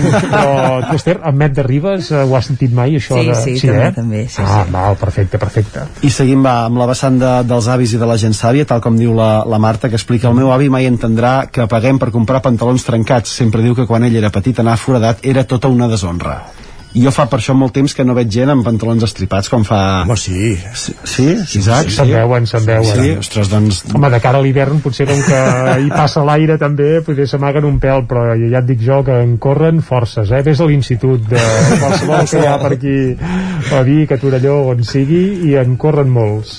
I per acabar el capítol de la gent gran, això segur que no us ha passat mai. En Marc diu, vaig a fer una visita als avis ràpida perquè passava pel poble i acabo marxant amb una carmanyola plena de cigrons perquè així ja no has de cuinar com diu la meva àvia, de quants àpats que ens han estalviat els avis i les àvies de tot Catalunya. Correcte. Això sí. I què li haguéssiu dit a la Noemí si li haguéssiu hagut de recomanar alguna cosa en aquest cas? Diu, he estat seguint els stories d'Instagram d'una companya de feina aquí davant del dilema entre preparar oposicions o fer un viatge sense bitllet de tornada a Mèxic, jo li vaig recomanar la primera opció. No sé què li haguéssiu dit vosaltres. Si viatge o si oposicions. Clar, és que primer s'ha de conèixer la companya, eh? eh no, clar, s'ha de conèixer el context també, no? També, clar, clar, és que fa de molt mal fer, eh? I acaba el tuit dient i va la tia i no em fa cas i porta 3 mesos a la Riviera Maia en biquini. Doncs jo ja sé que li he recomanat ja salut per l'amiga i salut per, per la Noemi també.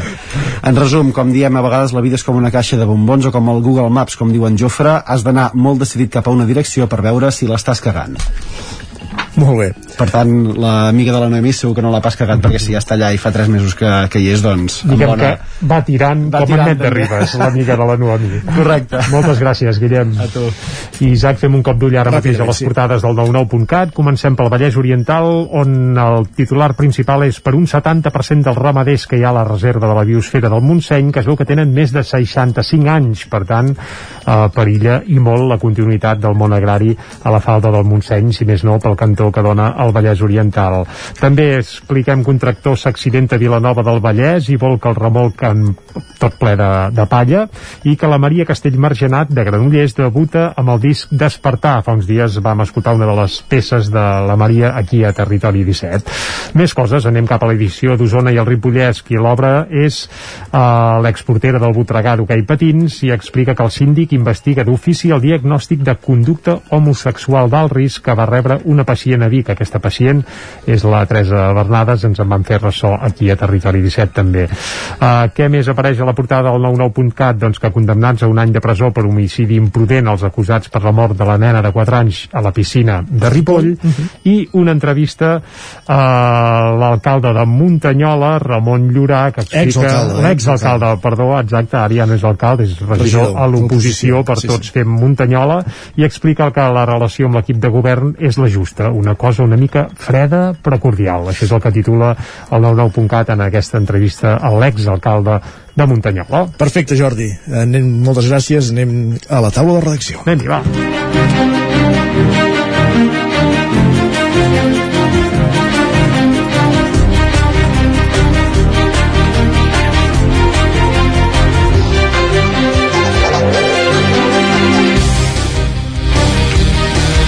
I a la taula de redacció, com bé deia en Jordi Vans, ens hi esperen l'Ester Rovira i la Clàudia Dinarès. I amb l'Ester parlarem d'aquest derbi d'hoquei patins que va haver-hi ahir en aquesta jornada intersemanal de l'hoquei Lliga entre el Voltregà i el Manlleu.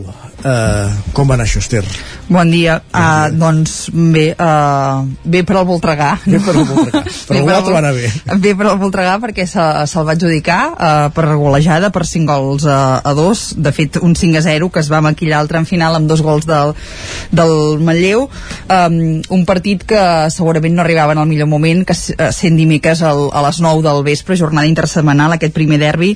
Això va fer que hi hagués una bona entrada de públic, però en cap cas doncs, que estigués ple fins a la bandera ni molt menys uh, si el comparem amb els derbis uh, clàssics no? que eren amb el, amb el Vic uh, amb molta rivalitat i, i amb, amb unes graderies molt plenes també en una altra situació, eh? no, no en aquesta de, de postpandèmia uh, però bé, en tot cas uh, doncs això, una bona entrada de públic uh, aquesta rivalitat que, que no, no hi és encara es va notar, és a dir eh, entre les aficions s'animava però, però no hi havia aquell caliu que, que generen els, els Voltregà Vic o Vic Voltregà. Eh, i sobre la pista dos equips eh, nerviosos, sobretot en la primera part eh, per les urgències que tenien. Recordem que tots dos venien d'una derrota al cap de setmana i que especialment eh, l'inici de, de temporada ha estat complicat per al Voltregà que només havia sumat 4 punts, una victòria i un, i un empat, per tant eren els que més necessitaven i segurament justament per aquest fet també es van acabar portant la, la victòria. Eh?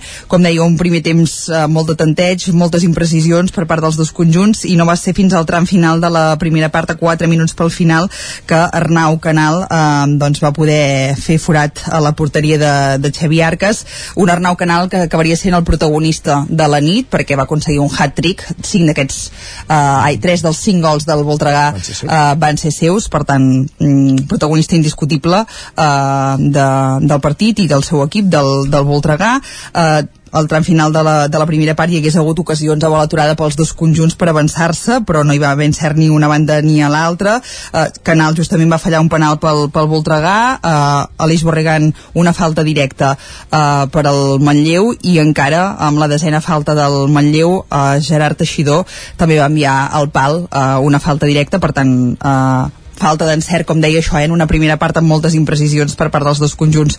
A la segona, Arnau Canal eh, va poder eh, fer el 2 a 0 i a partir d'aquí eh, el Voltregà, que doncs fidel al seu estil, amb una bona defensa i sortint molt a la contra, doncs va anar aconseguint desgastar a un Manlleu a qui no li sortia res, uh -huh. eh, sí que va disposar de, de nombroses ocasions, però entre els pals i el porter Lino doncs eh, van acabar en, en no res i al final, com deia, això, van anar caient els, els gols gols de Canal, de, de Vargas, de Palazón, eh, aquest últim de, de penal i eh, no va ser fins això, fins als últims instants de, del partit, de fet al minut 50, que havia el Pujades i Aleix Borregan van poder maquillar el marcador per al Manlleu i fer aquest 5 a 2.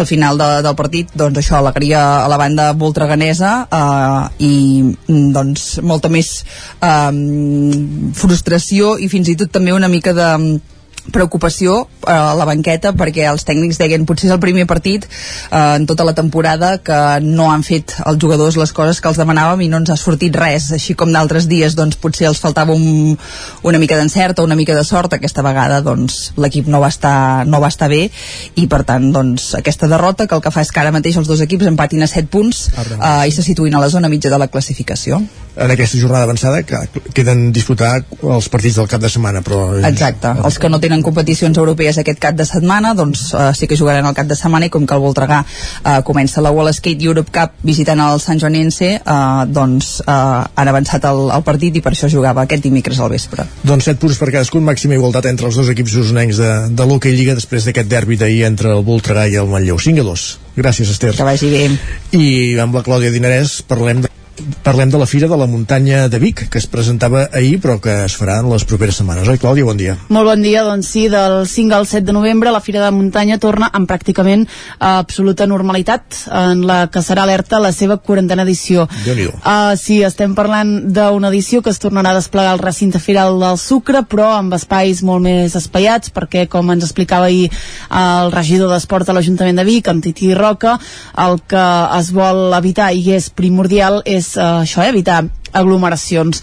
Uh, de fet, a la roda de premsa d'ahir ens explicaven que és important que torni la Fira de la Muntanya per dos motius. Un, Isaac, perquè, com dèiem, arriba a la quarantena edició, i dos, perquè és la primera fira que es fa en un espai tancat des de l'esclat de la pandèmia, amb tots els reptes que, que això comporta.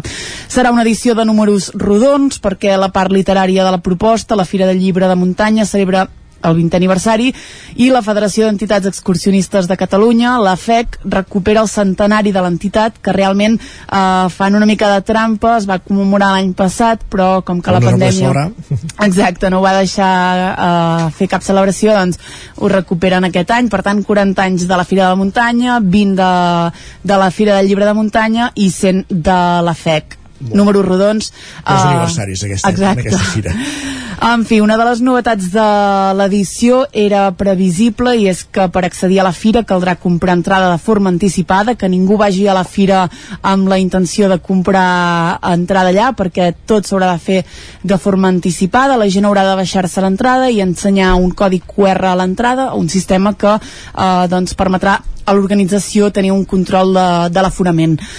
Pel que fa a la presència de noms destacats del món de l'esport, dic que hi haurà una taula rodona amb cinc joves escaladores i seran l'Aida Torres, la Francis Guillén, la Ruth Casals, la Ruth Montsec i la Maria Benac, quatre de les quals són de la comarca d'Osona. déu nhi Exacte. El d'escaladores que tenim. I tant.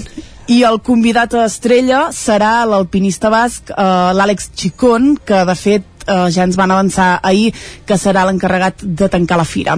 Dic que els dos temes que marcaran l'espai de xerrades i debats, que és per on passaran tots aquests noms que acabem de comentar, seran dos, el despoblament del Pirineu i la massificació a la muntanya. A la Fira de la Muntanya d'aquest any no hi faltaran els clàssics de sempre, des de l'Open Block d'escalada, que aquest any com a novetat es farà en una carpa a l'exterior, fins a la mítica escalada a la xamaneia del Sucre. També hi haurà el Mercat d'Ocasió, que és un dels clàssics clàssics de la Fira de la Muntanya, que aquest any també guanya espai per evitar aglomeracions. Dic que per primer cop hi haurà una tirolina gegant eh, en el mateix recinte firal. Ens han promès que serà una cosa força espectacular, haurem de veure-ho. I, eh, on, on exactament, la tirolina? Doncs en principi se situarà al dipòsit del recinte firal i anirà d'una banda a l'altra. Diuen que serà, serà força això, Espectacular. sí, força espectacular. I per acabar, dic que també torna la Matagalls Vic, que també és un altre clàssic de la Fira, que també celebra els 40 anys, perquè s'ha celebrat cada any, eh, una edició que espera acollir a unes 600 persones aproximadament i que eh, renova el 80% del recorregut. Per què? Doncs també per al mateix, per evitar aglomeracions, els avituallaments eh, tal com estaven muntats ara no anaven bé eh, i s'ha decidit doncs, eh, traçar un nou recorregut perquè doncs, la gent pugui fer la Matagalls Vic amb total tranquil·litat. Doncs déu nhi totes les Sí. activitats que hi haurà durant la Fira de la Muntanya de Vic. Deies el 4-5 de novembre, eh? Del 5 al 7 Del 5 de al 7, novembre. perdó, imagina't. Exacte. Doncs del 5 al 7 de novembre, Fira de la Muntanya de Vic, quarantena Fira de la Muntanya de Vic, es presentava ahir i n'hem conegut tots els detalls amb la Clàudia Dinarès. Gràcies, Clàudia. Fins ara. Bon dia. I ara el que fem nosaltres és anar cap a la plaça. Parlem d'economia digital amb 11.cat, avui comissions.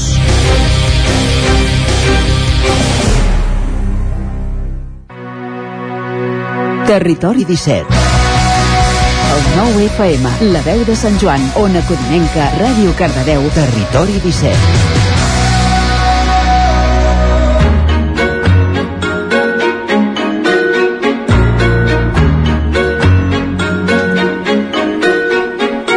Passo minut de 3 quarts d'11 del matí, moment de saludar la Maria López per reprendre la secció que iniciàvem la setmana passada parlant de comissions. Maria, bon dia. Molt bon dia, com estem? Molt bé, i tu?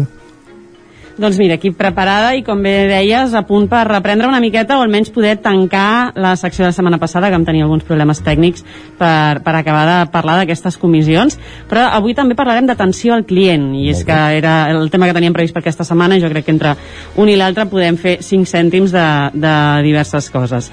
Eh, per parlar de tot això, per tancar el tema de les comissions i parlar de l'atenció al client, comptem novament amb la Gemma Vallet, ella és la directora de màrqueting d'11.cat. Bon dia, Gemma. Ja. I ens acompanya avui Liu Alemany, ell és Back Office Manager d'11. Bon dia. Bon dia. Què tal, Liu?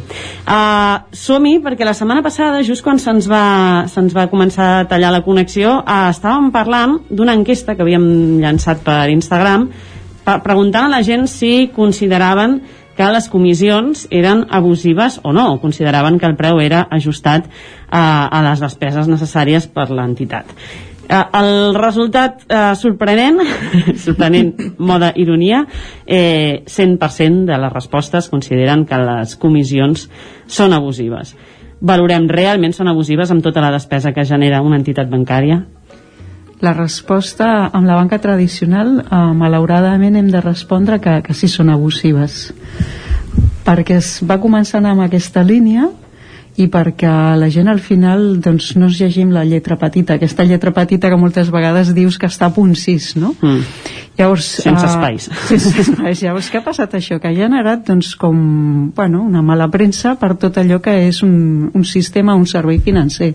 Llavors arriba un punt que hi ha, diguem-ne, tanta ràbia per aquestes comissions que ens passa una miqueta com als autopistes, que arriba un moment que no volem pagar, no? És aquella frase que hi havia escrit No vull pa- pagar, eh? No, el no vull pagar, te'n recordes una Sí. campanya espectacular que al final, bueno, ha fet, en- en part, ha aconseguit un moviment. A dins del món de la banca, doncs hem trobat amb això, que, la- que la gent arribarà a un moment que, que es pot, eh, diguem-ne, totalment eh, posar en contra de qualsevol tipus de comissió, encara que no sigui totalment just no pagar alguna comissió, no?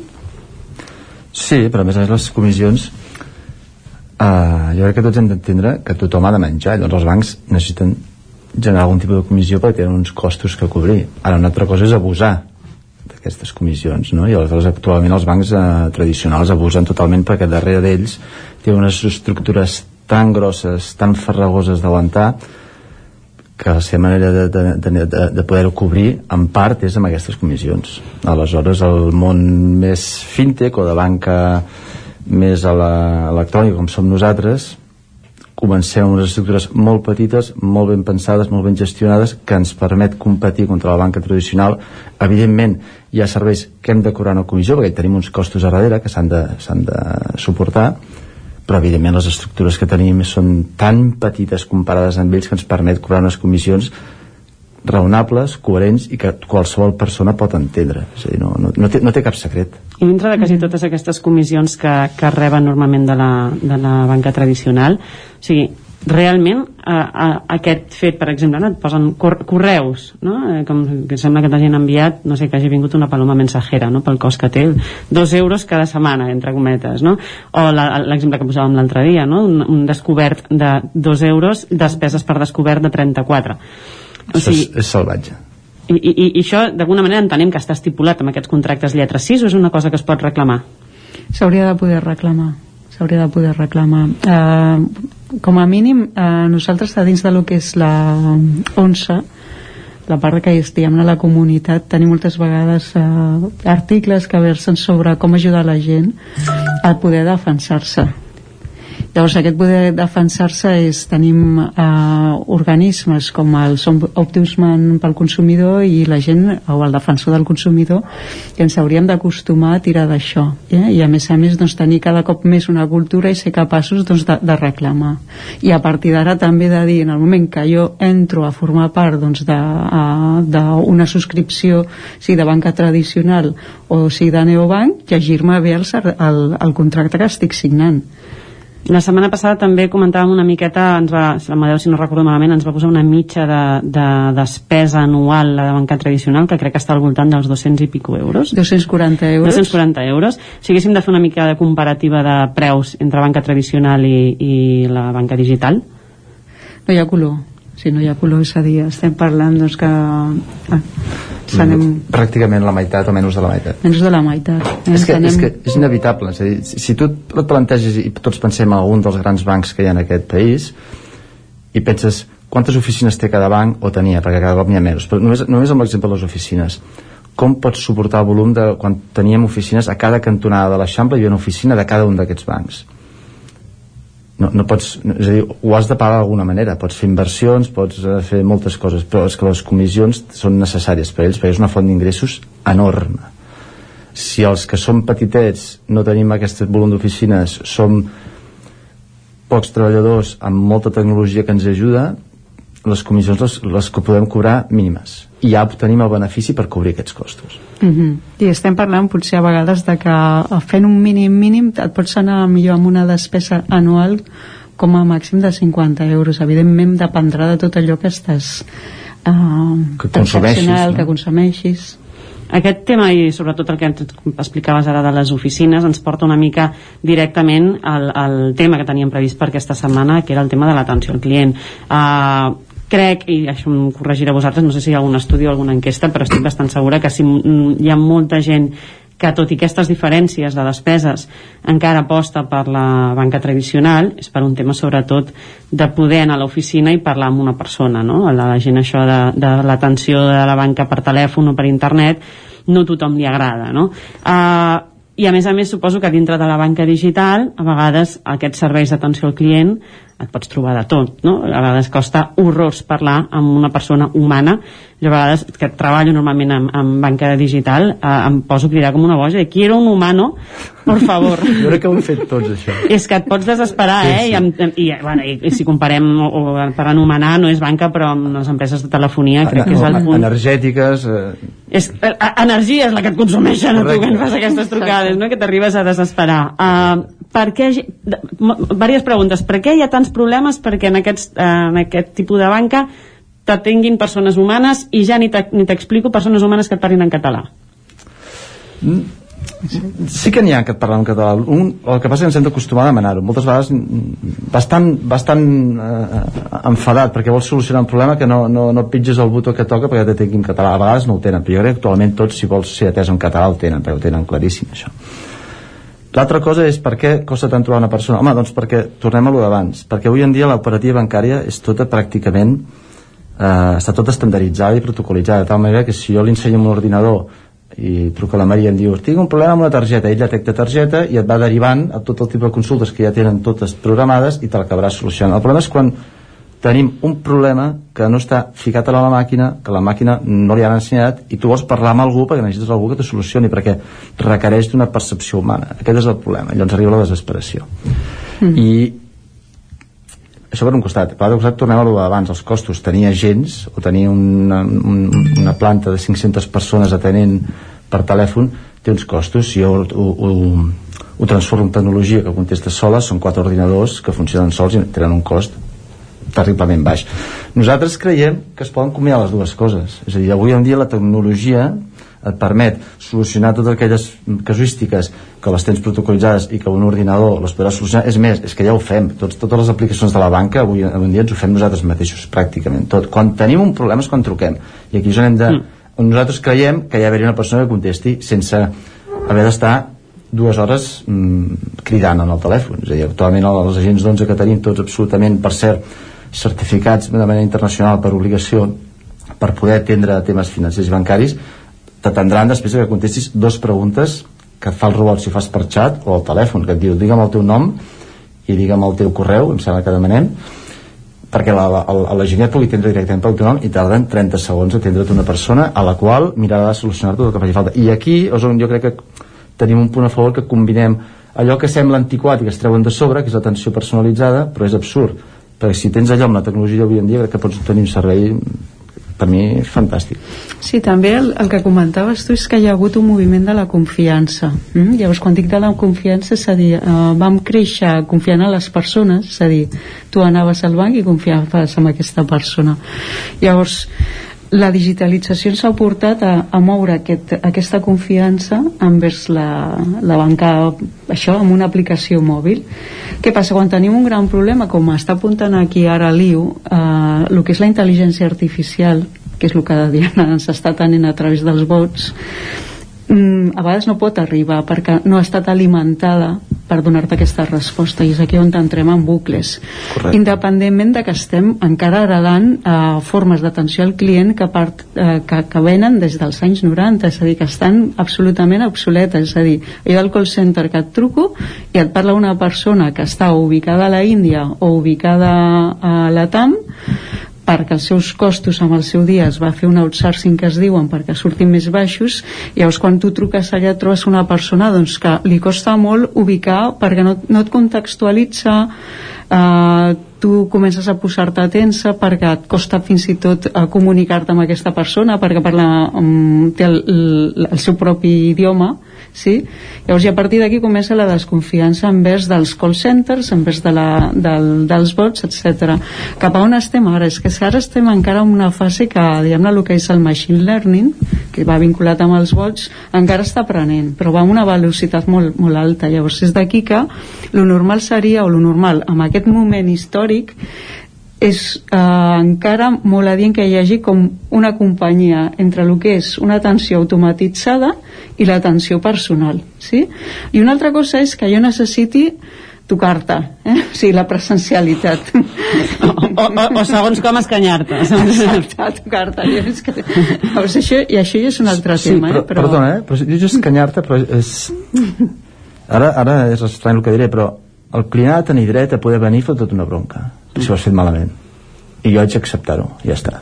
I no, I no costa res dir, és veritat, ens hem equivocat, anem a corregir-ho. I això no passa i, i més telefònicament aquesta, aquesta necessitat que tens tu de, de desfogar-te perquè Clar. no estàs content amb un servei que has pagat um, per telèfon saps que la persona pot estar, hosti, pot estar ignorant totalment pot estar sí, el mute posat sí, sí, sí. i jo crec que genera moltíssima impotència no tenir ni tan sols aquesta, aquest dret a queixa amb, amb propietat no? i sí que és veritat que el, el tracte humà, el fet de poder tenir físicament a la persona té aquest punt de bueno, de, de suposo que pots generar més empatia en l'altre en el moment en què t'estàs mirant perquè de fet et facis una idea mentre uns estan tancant oficines perquè no poden suportar-ho malgrat que en deixen algunes obertes fan un tipus d'oficina molt diferent molt, molt, molt, molt botiga, no? molt, molt fashion nosaltres l'objectiu de és que n'obrirem sota aquest concepte per poder acostar-nos al client perquè és que a més a més no tot el client és tecnològic és a dir, hi ha un percentatge de població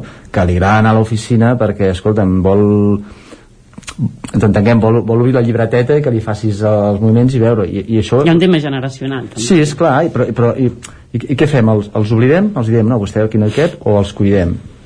Doncs els cuidem. Si és que no, no, no té secret si amb la tecnologia d'avui en dia i amb quatre coses ben fetes se'ls pot atendre. No, no, no, eh, no, no, no té cap problema fer això. I llavors jo crec que això guanyarà confiança i hem d'aconseguir que com a mínim cap a la nostra entitat o a la nostra banca que volem fer amb la que creiem la gent torni a agafar la confiança que és el que, el que pretenem. Mm -hmm d'alguna manera, de fet, una de les coses que la Gemma ens diu sovint a, les, a, les, a, la, a la plaça, la plaça. és el, el fet que l'època de pandèmia d'alguna manera ens ha forçat precisament a acostumar-nos a, a totes aquestes coses no? Correcte. jo crec que ens hem acostumat tots una mica més a tirar d'aplicació tot i el salt aquest generacional suposo que molta gent que en la seva vida s'havia havia fet res de banca digital ha hagut d'aprendre a partir de, segurament amb entitats de banca tradicional però amb les aplicacions, amb les vies que, que, que fes falta. Uh, què passa si els bancs tanquen totes les oficines? No ens tornarem a veure les, les cares mai? Si tot es va digitalitzant, si tot es va fent a mode tecnològic? Jo crec que, ja ho he dit fa un moment, eh? estan tancant moltes oficines per costos, però no les tancaran totes, perquè també tenen clar que han de mantenir un contacte humà. L'han de mantenir perquè més ha... És que ha tràmits, hi ha històries que avui en dia encara costen de fer-ho tot, és a dir, escolta'm, jo si un, no sé, temes d'hipoteques, signatures allò presencials, un, un, un notari, això no, no, no podràs fer-ho. Segurament amb el temps hi haurà firmes electròniques més segures i tot acabarà.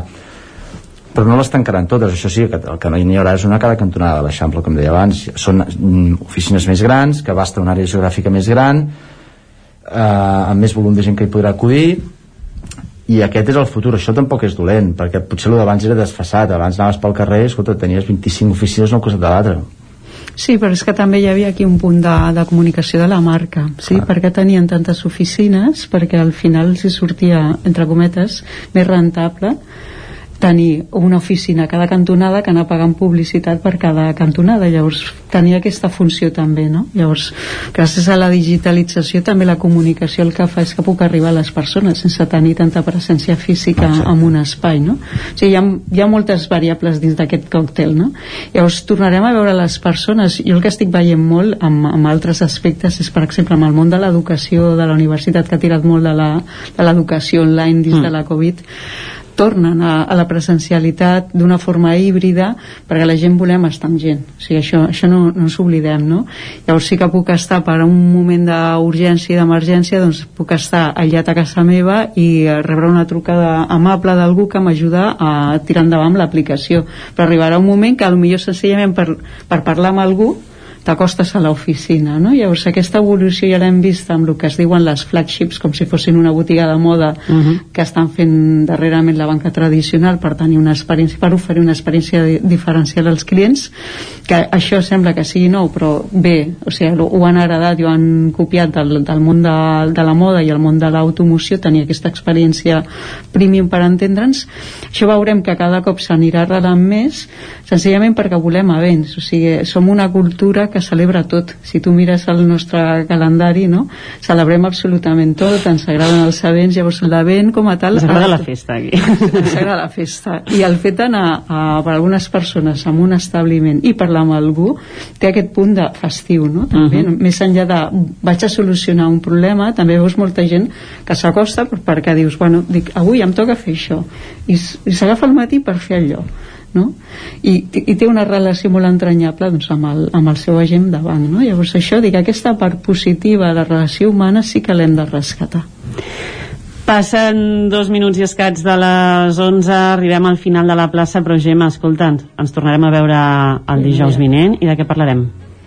El dijous vinent començarem a parlar d'una cosa que ens preocupa ja, o que ens preocupa, que ens inquieta, el consum nadalenc el consum nadalenc, ja, ja, ja han, han abierto les portes del Corte Inglés. Eh? Ja Sembla que ha arribat la campanya. Tremolem. Ja, ja tremolem, tremolem. Doncs parlarem de consum nadalenc eh, tot just a finals d'octubre, però ja ho tenim ben encarat i ens trobarem dijous vinent novament aquí a la plaça. Moltes gràcies. gràcies Moltes gràcies, Maria. Gràcies, Maria. Doncs també eh, consum nadalenc la setmana que ve a la plaça, com dèiem abans de, a la secció de les pilades amb Guillem Sánchez, i eh, hem vist la, que comencen a instal·lar alguns llums a, a Vic. En fi, eh, parlarem des del punt de vista econòmic d'aquí una setmana en aquest espai a la plaça. Ara mateix, com dèiem, va ser gairebé 4 minuts del punt de les 11, moment d'actualitzar-nos. Territori 17, amb Isaac Moreno i Jordi Sunyer.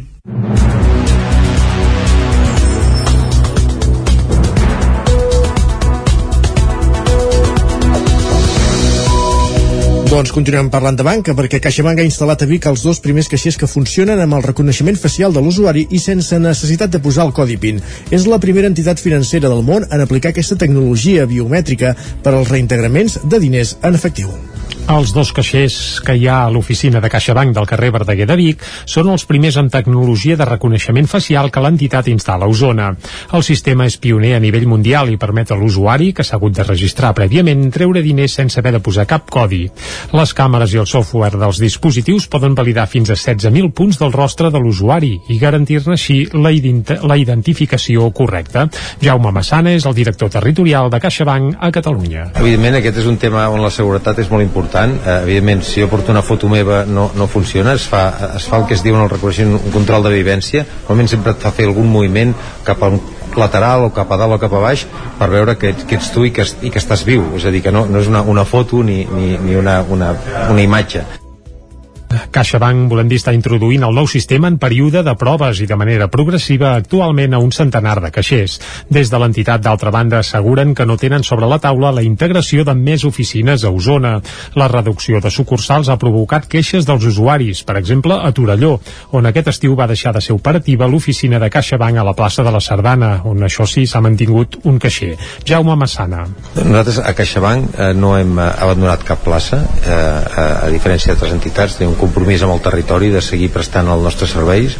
Al principi els canvis doncs, eh, quan amunt li ha de caminar doncs, 5 minuts més per anar a una altra oficina. Evidentment doncs, hi ha algú que, que, que no li agrada eh, però amb el temps eh, ens està demostrant que els clients ho prefereixen perquè tenen eh, aquesta gestors més especialistes i sobretot l'amplitud d'horaris d'aquestes noves oficines Tor que fem cobren matí tarda eh, sense tancar al migdia Tampoc està previst que augmenti el nombre, el nombre d'oficines Astor que CaixaBank té ara mateix a la comarca. En té dues a Vic, al carrer Verdaguer i al barri de l'Estadi, i una a Manlleu, una a Torelló i una a Centelles, tot i que sí que es projecten ampliacions d'espais, com per exemple la de la sucursal del carrer Verdaguer, de Vic. A la capital usonenca també hi ha activa l'oficina de la plaça Major, que es destina a comerços i autònoms. Granollers s'adhereix a la Setmana de l'Energia Sostenible. David Auladell, des de Ràdio Televisió de Cardedeu. Del 25 al 29 d'octubre tindrà lloc la Setmana Europea de l'Energia Sostenible amb el lema de motius en sobren fem-ho. El plantejament proposa fer el salt a un nou model energètic net, sostenible, descarbonitzat, distribuït i democràtic i posa l'accent en el paper clau de la ciutadania. L'objectiu de la campanya és conscienciar la societat amb actuacions i activitats al voltant de l'eficiència energètica i les energies renovables. D'entre les activitats es farà una exposició a la Biblioteca Racó Verd de Granollers sobre la biomassa del clima. A més, a l'Escola Salvador Espriu faran tallers sobre la biomassa a càrrec de la Diputació de Barcelona i l'Ajuntament de Granollers. Són una proposta per aprendre quina és la història de l'energia, jugar a ser guardians del bosc i entendre per què la biomassa és una energia renovable que afavoreix la lluita contra el canvi climàtic. En consonància amb aquest context, de l'1 al 28 de febrer de 2022 tindrà lloc una nova edició de la Marató de l'Estalvi Energètic per la lluita contra la pobresa energètica i el canvi climàtic als equipaments municipals del Plau d'Esports, el Parquet, el Tub i les pistes d'atletisme, tots ells connectats a instal·lacions de generació d'energies renovables tèrmiques i fotovoltaiques. La plataforma de compra de proximitat en línia Compra a Prop ja té 125 establiments actius, 12 d'ells a Caldes de Montbui, Caral Campàs, des d'Ona Codinenca. Ja fa 5 mesos que va començar a caminar Compra a Prop, un web de comerç de proximitat en línia amb establiments dels sis pobles de l'Associació de Municipis de l'Eix de la Riera de Caldes, a Merc.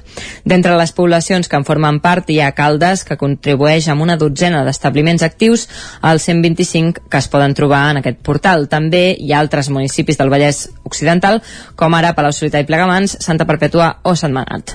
Per celebrar aquests cinc primers mesos de vida, la plataforma celebrarà la setmana del Compra a Prop entre el 8 i 14 de novembre. Durant aquests set dies els establiments que formen part del lloc web engalanaran les seves botigues i lluiran el distintiu de comerç adherit. A més, tindran material promocional per donar a conèixer a la ciutadania aquest nou centre comercial en línia. D'entre els comerços calderins que formen part de la plataforma hi ha la botiga de jocs i còmics La Caverna de Voltir, que va entrar a la plataforma fa poques setmanes. Una de les seves responsables, Victoria Pagliano, explica per què van decidir apostar per comprar a prop. Per nosaltres la web de Comprapop és una finestra molt interessant per als comerços del poble i creiem que a més de ser una manera de donar a conèixer la botiga aquí el que fem, és també una manera de fer poble en el món digital que cada vegada està més present a la vida de la gent. Al nostre cas, la cabana de Vortic, la web ens ha resultat super senzilla és molt àgil i quan hem tingut un problema la tècnica de la plataforma ens el va resoldre molt ràpid. Compra Prop va néixer per adaptar el comerç de proximitat als nous usos de consum de la gent i competir amb les grans plataformes de venda en línia. Del 25 al 30 d'octubre, Vic acollirà la tercera edició del programa Llegim Més. Aquest any se centrarà en el còmic i s'adreça a un públic de totes les edats amb l'objectiu de fomentar la lectura. El còmic és el gènere que marcarà la tercera edició del Llegim Més, que es farà del 25 al 30 d'octubre a Vic. Dirigida a infants d'entre 6 i 12 anys a la primera edició i a joves d'entre 12 i 14 a la segona, per primera vegada i com a novetat, el programa s'adreça a la ciutadania en el seu conjunt. El que no canvia respecte a les últimes edicions és l'objectiu, ho detalla Esther Ferrés, directora de la Biblioteca Joan Triadú. Fer de Vic una ciutat lectora, no? perquè la lectura sigui present a tots els racons de la ciutat i per posar de relleu doncs, la gran quantitat de llibreries que tenim, les biblioteques que tenim, les editorials que tenim a Vic no? i treballar tots conjuntament per, per fomentar l'hàbit de la lectura entre la ciutadania. Per Ramon Sallés, responsable de la llibreria Crític de Vic, el còmic és la porta d'entrada de multitud de nous lectors, un gènere transversal que assegura no es pot associar a un públic determinat. L'escoltem a Ramon Sallés. I sobretot extendre-ho més i trencar, com si poguéssim dir, tabús de cara a la gent que continua pensant que el còmic, per antonomàsia, és cosa per nens petits en realitat, com he dit abans, qualsevol cosa que tu busquis, en el còmic hi trobaràs. Durant sis dies, les diferents llibreries de Vic programaran xerrades, tallers, sessions de contes i exposicions al voltant del còmic i la novel·la gràfica. Des de l'Ajuntament celebren la xarxa de col·laboració que hi ha hagut des de l'inici entre agents públics i privats i remarquen la voluntat de donar continuïtat a la iniciativa. La dissenyadora modista i estilista Teresa Mou va estrenar divendres a Vic un muntatge inspirat en l'obra de Joan Brossa. Es titula Desdoblament de la lletra. La mostra de vestuari poètica i musical es va poder veure al claustre de l'Escola d'Art de Vic. Joan Petit i Martina Soler, ell amb un vestit inspirat en la lletra A, van protagonitzar el muntatge música de Gil Granero.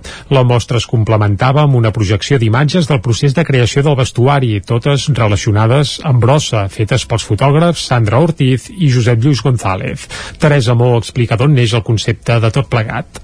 Em va produir el somni de fer el desdoblament de la lletra A, desdoblar-la vers l'infinit, girar-la a l'inrevés i que partint del pubis, com partia de la noia de la model que ha fet la, la posada en escena, llançar-la vers l'infinit, a la recerca de, de l'Olimp. L'acte va acabar amb un vernissatge en què els assistents van poder menjar una lletra A de xocolata elaborada pel xocolater de Taradell. Teresa Mó espera poder portar aquest espectacle a la Fundació Brossa de Barcelona l'any vinent. Can Toni Gros va acollir diumenge la 24a edició de la Fira del Bolet, una oportunitat que va servir també per commemorar el 25è aniversari d'Antoni i la Margarita, els gegants del poble. El programa d'activitats del Coll Cabra Viu, del Coll Cabra Viu, perdó, es reprendrà aquest divendres amb una xerrada sobre polítiques locals d'habitatge. Can Toni Gros va acollir diumenge la 24a edició de la Fira del Bolet, una de les propostes estrella del segon cap de setmana del Coll Cabra Viu. La fira va congregar un gran nombre de visitants i una quinzena de parades de bolets i productes derivats. Entre els paradistes hi havia els membres de Miceliu, una empresa de tabertet especialitzada en la producció de bolets gourmet i ecològics que va aprofitar la fira per donar-se a conèixer. Natàlia Vilella és la propietària de Miceliu. Com que estem aquí a Tabertet i som veïns, els, els botiguers d'aquí de, de Cantoni Gros ens van demanar a veure si podíem venir nosaltres i evidentment estem aquí doncs, per promocionar i perquè encara hi ha gent de la zona que no ens coneix gaire. La fira va servir també per commemorar el 25è aniversari d'Antoni i la Margarida, els gegants de Cantoni Gros. L'homenatge que van a càrrec dels veïns que l'any 1996 els van impulsar va donar pas al vermut i als tastets. Sílvia Grau és la regidora de Turisme i Promoció Econòmica de l'Ajuntament de l'Esquirol. I aquest any, doncs, amb una 25è, 25è aniversari dels, dels gegants de Cantoni Gros, doncs s'ha fet una trobada dels gegants, la qual cosa ha portat doncs, moltíssima més gent, més famílies, s'han fet activitats doncs, de fer bolets, de contes productes per als més menuts. I ara comença ja tota la part dels tastets que són tot productes de, de la terra, de la CAC, de l'Associació de Comerciants d'aquí del Cabrerès. I bé, de moment, eh, molt bon ambient eh, moltes ganes doncs, de molta activitat i després a la tarda es fa la part de gintònics i, i música. El programa del Coll Cabra Viu es reprendrà aquest divendres amb la xerrada Polítiques Locals d'Habitatge que el conseller delegat Pere Medina oferirà a la cooperativa de l'Esquirol. El cap de setmana es completarà, entre d'altres, amb un taller de fotografia, la presentació del procés participatiu Coll Cabra Visió de Futur i una jornada d'activitats d'aventura per a infants. I el Festival Protesta de Cinema de Crítica Social està en marxa. Arrencava divendres passat a Vic i acabarà dissabte amb la cluenda i el lliurament de premis. El certamen projecta llargmetratges i curtmetratges a concurs i també proposa activitats paral·leles que en aquesta novena edició giren a l'entorn dels privilegis. Els privilegis de classe, raça, gènere i espècie van centrar la trobada vermut que diumenge es va fer a la Fàbrica dels Somnis de Vic, una de les propostes paral·leles del Festival Internacional de Cinema de Crítica Social Protesta. Yursel Mansuri, d'Unitat contra el Feixisme i el Racisme, Toni Borra, de Càrnies en Lluita, Maria Saladic, de l'Ortiga Feminista i Esgarriades, i Sergi Solà, del grup de defensa del Ter, van fer una taula rodona moderada per la periodista Sara Blázquez i amb intervencions musicals del grup Carpa Negra. Unes 60 persones van assistir a l'activitat titulada Osona de privilegi. La novena edició del protesta vol reflexionar especialment sobre els privilegis propis, ho explica Anna Revés, de l'organització del festival tens les eines que tens i acabes cometent errors i acabes eh, la teva condició et marca i acabes parlant amb un llenguatge que de vegades no és l'oportú. I el millor que es pot fer en aquests casos és escoltar la gent en primera persona que no som nosaltres, nosaltres no som persones oprimides, eh, som persones conscients que és, és molt interessant però no són persones oprimides i els hem de donar veu i és una mica el que intentem fer en cada edició però en aquesta edició especialment Després de l'edició virtual de l'any passat, amb una unió de diversos festivals sota el nom de Tectònic, el protest ha recuperat el contacte directe amb el públic, coincidint amb la recuperació de la totalitat de l'aforament als actes culturals. Tota una injecció d'optimisme per celebrar l'any vinent el desè aniversari del festival. Anna Revés aquest 100% d'aforament que ens ha respectat no? i que va començar el divendres just quan començava el festival eh, crec que ens ha, ens ha anat molt a favor per arribar a aquesta desena edició l'any que ve eh, en plenitud. La programació del Nové Protesta continua al llarg d'aquesta setmana amb propostes en tres espais diferents, l'ETC, l'Atlàntida i el Casino. Divendres, una nova activitat paral·lela reflexionarà sobre els privilegis de la masculinitat i el protesta es tancarà dissabte al vespre amb la festa final que inclourà el lliurament de premis. Gràcies, Jordi Sunyer. Passa un minut d'un quart de dotze amb tu i amb David Auladell, amb Isaac Montades, amb Caral i amb Caral Campàs hem fet aquest repàs informatiu de les 11 al territori 17. Fem una petita pausa i tornem de seguida amb la Cristina Enfruns i les paraules en català. Fins ara mateix.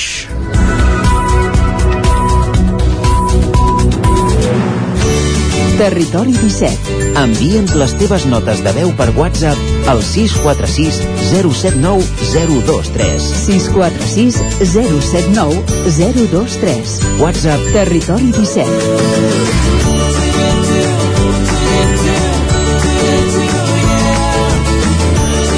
Territori 17. Som a Facebook, Twitter i Instagram amb l'usuari Territori 17.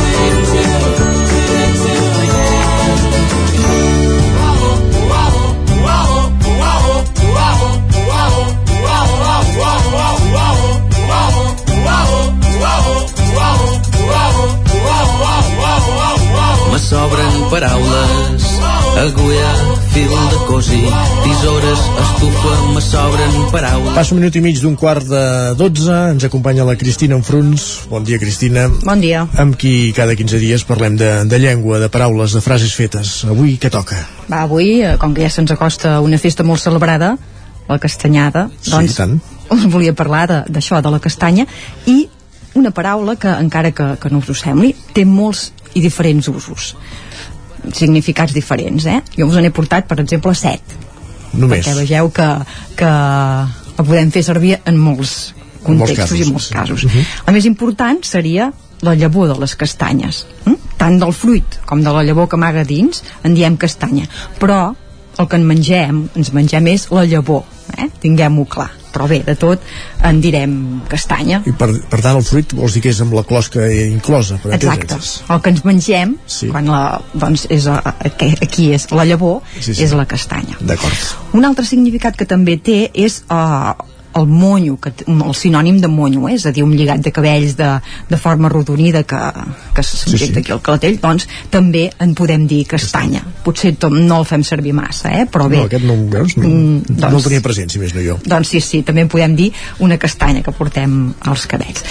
Un altre podria ser uh, un recipient de vidre, d'argila, que té forma de castanya, amb un coll molt curt, i allà on s'hi guarden els licors, també en podem dir una castanya.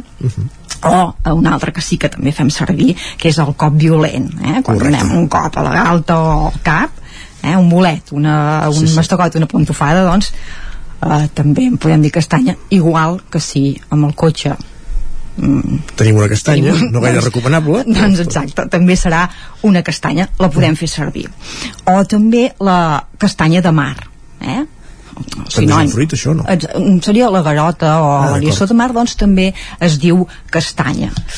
També un altre, eh, quan nosaltres anem caminant pel bosc, per exemple, excrement de bestiar, de, dels cavalls, Sí, o- de les eugues, de les mules, Dels senglars de les guilles. una tifa, doncs també en podem dir castanya. I un altre que també podem trobar és eh, el testicle d'animal de llana o bestiar cabrum. És una paraula que s'utilitza molt al Ripollès, al Lluçanès i al Berguedà. El colló, el testicle, doncs, ells també n'anomenen castanya. Doncs, perquè vegeu La varietat. la varietat de, de, de significats que pot que podem trobar eh, a la paraula castanya. Veus, jo, jo tenia dues de presents, que eren la castanya, el, fruit, o la, que en aquest cas és la llavor del castanyer, Mm. el que deies, i, i la castanya, el, el cop, el cop violent. Doncs imagina totes les que podem trobar al diccionari i que podríem fer servir. Moltes ja ho veus que no El les utilitzem, eh? Però bé. Del Monyo, no ho hagués dit mai, però mira, també té la seva gràcia. El que passa que potser no ens fem tant ara, monyos, eh? I potser També per això no la fem servir tant. I per últim us vull portar, evidentment, algunes locucions que fem servir a, a, amb aquesta paraula, com podria ser assemblar-se mm, com un ou i una castanya, sí. aquesta no, no assemblar-se gens o ser diferents, o bé treure les castanyes del foc, també mm, força usada eh? per resoldre una situació compromesa doncs treure les castanyes del foc l'any de la Maria Castanya eh? l'any de la Picó. Doncs sí, eh? molt antic o anar tot a castanya eh? circular molt ràpidament doncs també podria ser Anant a tot de castanya et pots fotre una, Una castanya. castanya. Eh? Seria això. doncs imagineu el, el suc que en podem treure d'una castanya Molt bé, anem per la música, oi? vinga Clava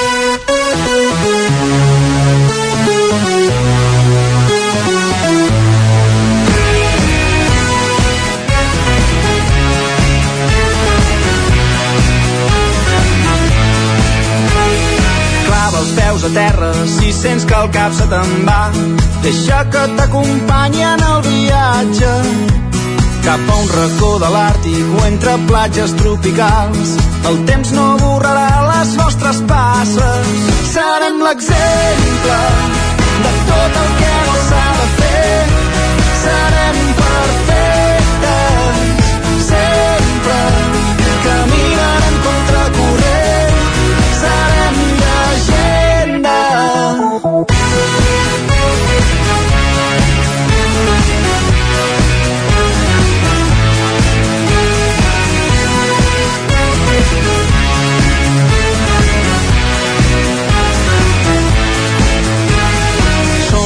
cicatrius les que ens ensenyen el que som.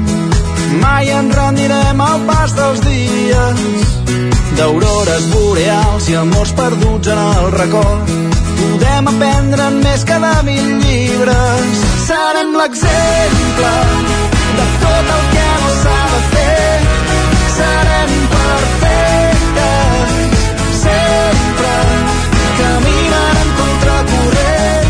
Avui has portat aquesta cançó dels Catarres, perfectes, Cristina, Mhm. amb quin objectiu, amb quina finalitat? Home, doncs, eh, avui em sembla que és el dia que presenten o surt a la venda El llibre. un, el llibre, un llibre Els Catarres X, em sembla que es diu, eh? Sí, són 10 anys. En. Doncs eh, fa 10 anys que, que van començar corren, sí. i avui doncs mira m'ha semblat que era dient tot i que últimament costa molt trobar-hi errors en les seves cançons això Ah, sí, veus? eh? Això però està bé, bé. Això és sí, bo. sí, sí, ho fan força bé però bé, tot i així encara en trobem eh?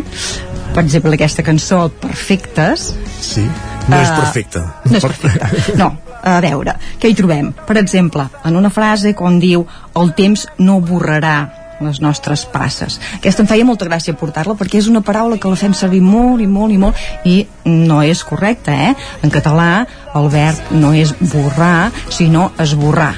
Eh? No borrem res. Esborrem. Hem, hem d'esborrar. Aquesta sí que eh, és força comuna trobar-la i per tant hauríem d'incidir la importància que té el verb esborrar. D'acord? D'acord. Una altra, que aquesta sí que és molt freqüent a totes les cançons dels catarres, que fan servir, és, és pronúncia, eh? simplement no és de, de sintaxi ni res, però aquest, eh, per exemple, a la frase serem l'exemple de tot el que no s'ha de fer, quan tenim la conjunció ha de ser àtona i no tònica, eh? en sentit neutre, és a dir, no hem de dir el què, Sí, no el hem què. de fer-ho interrogatiu, sinó el què. I aquest, el que, perdona. I aquesta sí que, eh, si escolteu cançons dels catarres, eh, ho fan força, eh? És simplement una qüestió de, de Tenir pronúncia en compte. Com que han de fer un disco nou, si ens escolten, doncs ja que ho tinguin en compte que ho tinguin en compte de pronunciar-ho sense fer eh, com a interrogativa eh? en aquest Mhm. cas ha de ser àtona i per tant mm, així ho hauríem de fer i també en, volia explicar-vos un moment eh, quan trobem la frase que diu sempre caminarem contracorrent vigilem amb aquest contracorrent eh? perquè és correcte, no surt al diccionari normatiu però la resta de diccionaris apareix eh, no, no hi està recollit però l'acceptem eh? Tinguem en compte, però, que hem de dir contracorrent separat, hem d'escriure, més ben dit, contracorrent separat o bé a contracorrent junt. Eh? Uh -huh. Distingir aquesta, aquesta diferència. Contra espai corrent, si en aquest context, i si diem a contracorrent, ho hem tot junt. d'escriure junt. Eh? I ja està, i aquí ho deixem... Ens posa eh, molts paranys la llengua, a vegades. però bé, a vegades va bé per això, però, però eh, eh, insisteixo eh, eh, m'ha costat eh, trobar coses en aquestes últimes cançons a veure, no és la Jennifer del primer uh Mhm. -huh. el, la seva primera cançó la més famosa que allà doncs sí Hi que havia quants. hi havia, però suposo que també intencionadament però bé mm, això, mm, Déu-n'hi-do com, com de bé que ho fan aquests nois i noies. Molt bé aquests nois i noia d'aigua freda i centelles. Doncs vinga, ja que l'ha citada acabem amb la Jennifer dels Catarres. Perfecte, vinga. Uh, amb la Cristina Enfruns arribarem a això, a la pausa publicitària que farem 3 minuts abans d'arribar a dos quarts escoltant aquesta cançó ja que el que hem fet avui era repassar una de les cançons dels Cadarres i hem citat aquesta altra no? La, la més coneguda ara que fan 10 anys i que avui surt aquest llibre eh, que recull la història d'aquesta dècada d'aquest tio de, del sud d'Osona del nord del Vallès Oriental. De Nadal jo que tinc una erecció quan pujo el Pedraforca o faig trekking per Montserrat. Jo que voto Convergència i que tinc somnis eròtics amb en Jordi Pujol. Jo que sóc soci del Barça i no trago ni en pintura els pericos de Sarrià jo que penso que en Serrat sempre ha estat un traïdor. El meu cotxe només sona Lluís Llach. Jo que porto els segadors com a polito del mòbil la senyera al balcó. Jo que sempre he defensat els productes de la terra ara m'he enamorat d'una Johnny de Castefa oh Jennifer. El nou FM, la ràdio de casa, al 92.8. Quan arriba la nit de Tots Sants, les bruixes tornen a Viladrau. Des de 1997, el 31 d'octubre arriba al Ball de Bruixes, un espectacle de carrer teatralitzat amb música, dansa, llum i foc en què 14 dones de Viladrau es reuneixen per celebrar la seva última junta abans de ser condemnades i executades. Aquest any, doble representació a les 9 i a dos quarts d'onze del vespre. Reserva ja la teva entrada i vine a commemorar la persecució de les bruixes. El 31 d'octubre, 24è Ball de Bruixes de Viladrau. Consulta totes les activitats a viladrau.cat. A Corretja tenim tot el que necessites per la teva llar. Tot tipus de paviments i revestiments, sistemes d'aïllament, cobertes, parquets, aixetes, ferreteria, pintures, fixació i cargoleria, vestuari i material de seguretat. Disposem de més de 3.500 metres quadrats d'exposició amb una nova zona exterior d'aïllaments. A Corretja som especialistes en cuines i banys. Us assessorem, dissenyem i realitzem el projecte des de l'inici fins a la fi del muntatge. 100% cuines, 100% banys. Al carrer Mas Vigues 8 de Vic, a corretja-sl.com o a Instagram. 100% materials per la construcció i la decoració. 100% corretja. El racó de León. Gaudeix de la nostra terrassa. Vine a tastar les xuletilles de lechal a la brasa amb una bona amanida o el xuletón de vedella gallega. No et pots perdre el nostre lechado de Castilla al forn o el cochinillo a l'estil de Segovia. Tot acompanyat del millor celler, al menjador o fora la terrassa. Descobreix la millor cuina de Lleó sense moure't de casa. Vine amb la família, els amics, la parella o sol. T'encantarà. El racó de León, cuina tradicional lleonesa i de mercat. Som al carrer Torelló número 35 de Vic. Per reserves, telèfon 93 889 1950. El racó de León, una cuina diferent. Som especialistes en cargols a la llauna. Vine a tastar-los al racó de León. Això és el que s'escolta al voltant d'una caldera saunia d'Oval. Tranquilitat i benestar, perquè gaudeix del millor manteniment del servei tècnic oficial per estar despreocupat. O el que vulgui. Informis a Oficiat Nord trucant al 938860040. Saunia d'Oval, sempre al seu costat. Cocodril Club. Si t'agrada la bona música dels anys 60, 70 i 80, escolta el 9 FM als matins de dissabtes i diumenges d'11 a 1. És el temps del Cocodril Club, tot un clàssic de la ràdio, amb les bases del pop-rock, les llegendes, les cançons que s'han convertit en autèntics himnes. Recorda, dissabtes i diumenges al matí, d'11 a 1, al 9 FM 92.8. Cocodril Club, el programa revival de l'Albert Malla. Hasta luego, cocodrilo. El 9 FM, el 9 FM, el 9 FM, el 9 FM, el 9 FM. Territori 17 A Tren d'Alba. Cada dia els usuaris de la línia R3 de Rodalies que veuen sortir el sol des d'un vagó ens expliquen les gràcies i les penes del primer comboi que uneix Ripoll i Barcelona.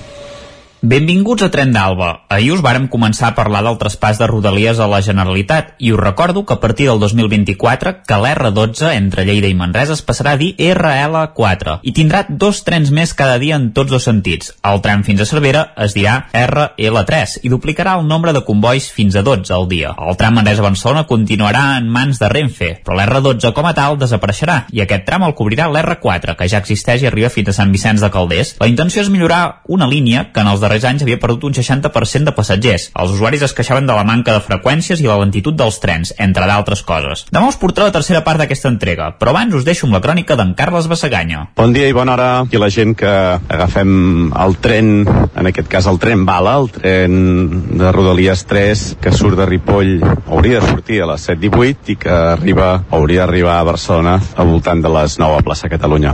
Avui, eh, i aquest és un tema recurrent, moltes vegades ens demanem o ens demanen a vegades nosaltres mateixos ens expliquem els avantatges precisament de poder baixar en tren respecte a altres mitjans, no? Ens queixem que arriba tard o ens queixem de vegades de problemàtiques d'aquest estil, però i per què continuem en, en, en tren? I aquesta és una pregunta que moltes vegades ens fem o ens fan, insisteixo, i que té respostes molt, molt diferents. Avui n'hem parlat una mica, la gent que viatja al tren. N'hem parlat perquè, malgrat que de vegades hi ha aquests problemes el tren no deixa de ser un dels uh, mitjans, m'atreviria a dir, tranquils per anar per la vida. Ja no només la tranquil·litat de ser un mitjà que contamina menys o de ser un mitjà que d'alguna forma és més espaiós, també en termes de tranquil·litat, sinó que un mitjà que d'alguna forma et permet amb les amplituds i amb els vagons i amb la situació que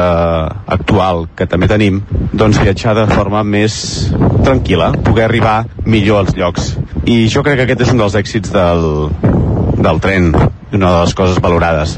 Sí que el trajecte, evidentment, i més amb les línies com la nostra, la Rodalies 3, dura més del que hauria de durar, però valorem, o jo particularment valoro, aquest fet d'anar tranquil, agafeu-vos aquesta tranquil·litat de diferents maneres per la vida. Res, aquesta és la reflexió una mica avui per parlar amb els amics i amigues que compartim això, el ROT 3 i el Territori 17, i res més. Algú es pot demanar si el tren avui ha arribat puntual. Doncs bé, el tren a Ripoll que, mm, que ha sortit de Puigcerdà ha arribat 5-6 minuts tard però per altra banda l'hem recuperat i hem arribat puntuals a Barcelona. Res, aquesta és la crònica adeu-siau, bon dia. Certament el tren és un mitjà de transport molt tranquil on hi pots dormir, xerrar, treballar, etc. Molt menys estressant que anar amb cotxe per la carretera. Això sí, si vas amb la línia R3, aquest nivell d'estrès pot arribar-se a equiparar alguns dies. Va, ens retrobem demà amb més històries del tren i de l'R3. Territori, Territori 17. 17. Territori 17.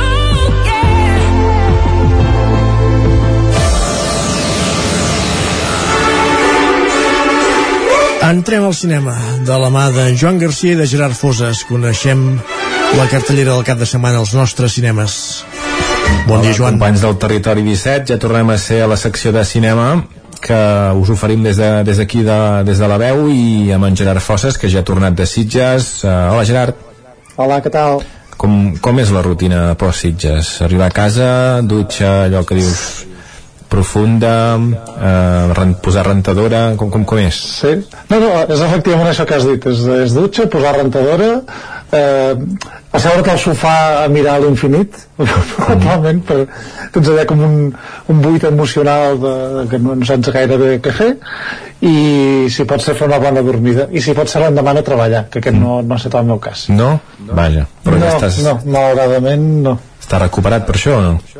Sí, i, i a més a més eh, vaig, vaig poder fer una, una petita rutina que vaig rescatar um, The Trip, El viaje, que és una pel·lícula que va passar per Sitges, que m'agrada molt, mm -hmm. i que justament la van estrenar a Netflix el passat 15 d'octubre. Mm -hmm pel·lícula també amb nom i rapes eh, i que és així molt, molt festivalera pel, pels seus punts de comèdia moments de gore i mira, va ser com una sortida més lleu de, del festival O sigui que després de veure no sé quantes pel·lícules les has comptades Uh, sí, 41 van ser. Després jo no la vaig repetir. Després de 41 pel·lícules vas arribar a casa i te'n vas posar una altra. Clar, clar, òbviament. Bueno. O sigui, uh, no, no es pot deixar la droga ràpid. T'has de posar parxes. No, clar, no deixes de fumar d'un dia per l'altre, eh? Exacte. Molt bé, si et sembla comencem per aquí, pel palmarès de Sitges, si el vols comentar una mica. Sí, el volia comentar una mica per sobre perquè aquest any va ser un, un palmarès que més ho vam comentar allà amb, amb companys de la premsa eh, molt conservador perquè gairebé tots els premis eren exaecos eh, sense anar més lluny el, el jurat va donar el premi a la millor pel·lícula que li va donar a l'AM la pel·lícula aquella d'un matrimoni que, que adoptava com una, una mescla entre nen i xai com a fill que per cert serà la pel·lícula que representa Islàndia als Oscars ja veurem si arriba lluny. I llavors van començar a donar mencions especials i premis especials a Dojo fins al punt que van premiar eh, cinc pel·lícules em sembla a base de mencions especials. Tots els premis interpretatius eh, eren ex aequos. O sigui, com, com un palmarès molt, molt conservador, molt, molt estrany. Eh, sí que vaig celebrar per exemple que donessin premis a Fran Rogowski i Susan Jensen els dos protagonistes únics d'una pel·lícula alemanya que es titula Lucifer eh, que és una pel·lícula espectacular ja, per per fotografia però sobretot per unes interpretacions molt, molt físiques d'una exigència física brutal des d'una relació malsana entre una mare que és exdrogadicta que, i el seu fill que ja és un, un home adult que viuen a les muntanyes eh, són devots de Déu allà aïllats i tenen una relació molt malsana entre ells. I a més a més és una pel·lícula que també té un, un rerefons social vinculat a, al tema del medi ambient. Mm. eh, és una pel·lícula espectacular i, i almenys van premiar les interpretacions um, també va guanyar el Melies d'Argent una pel·lícula que es diu 3 que ja la vam comentar breument Mhm. que és sobre aquesta noia que tenia una dissociació en, sobre com rebia el so respecte a la realitat no? que se li arribava de sincronitzat És- Era espanyola, aquesta?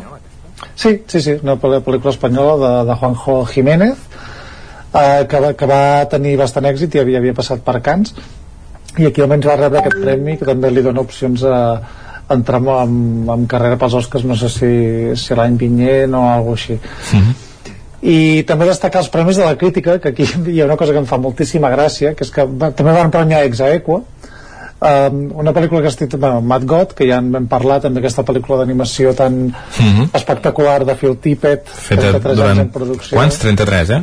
33 anys, o sigui, poca cosa eh? Mhm.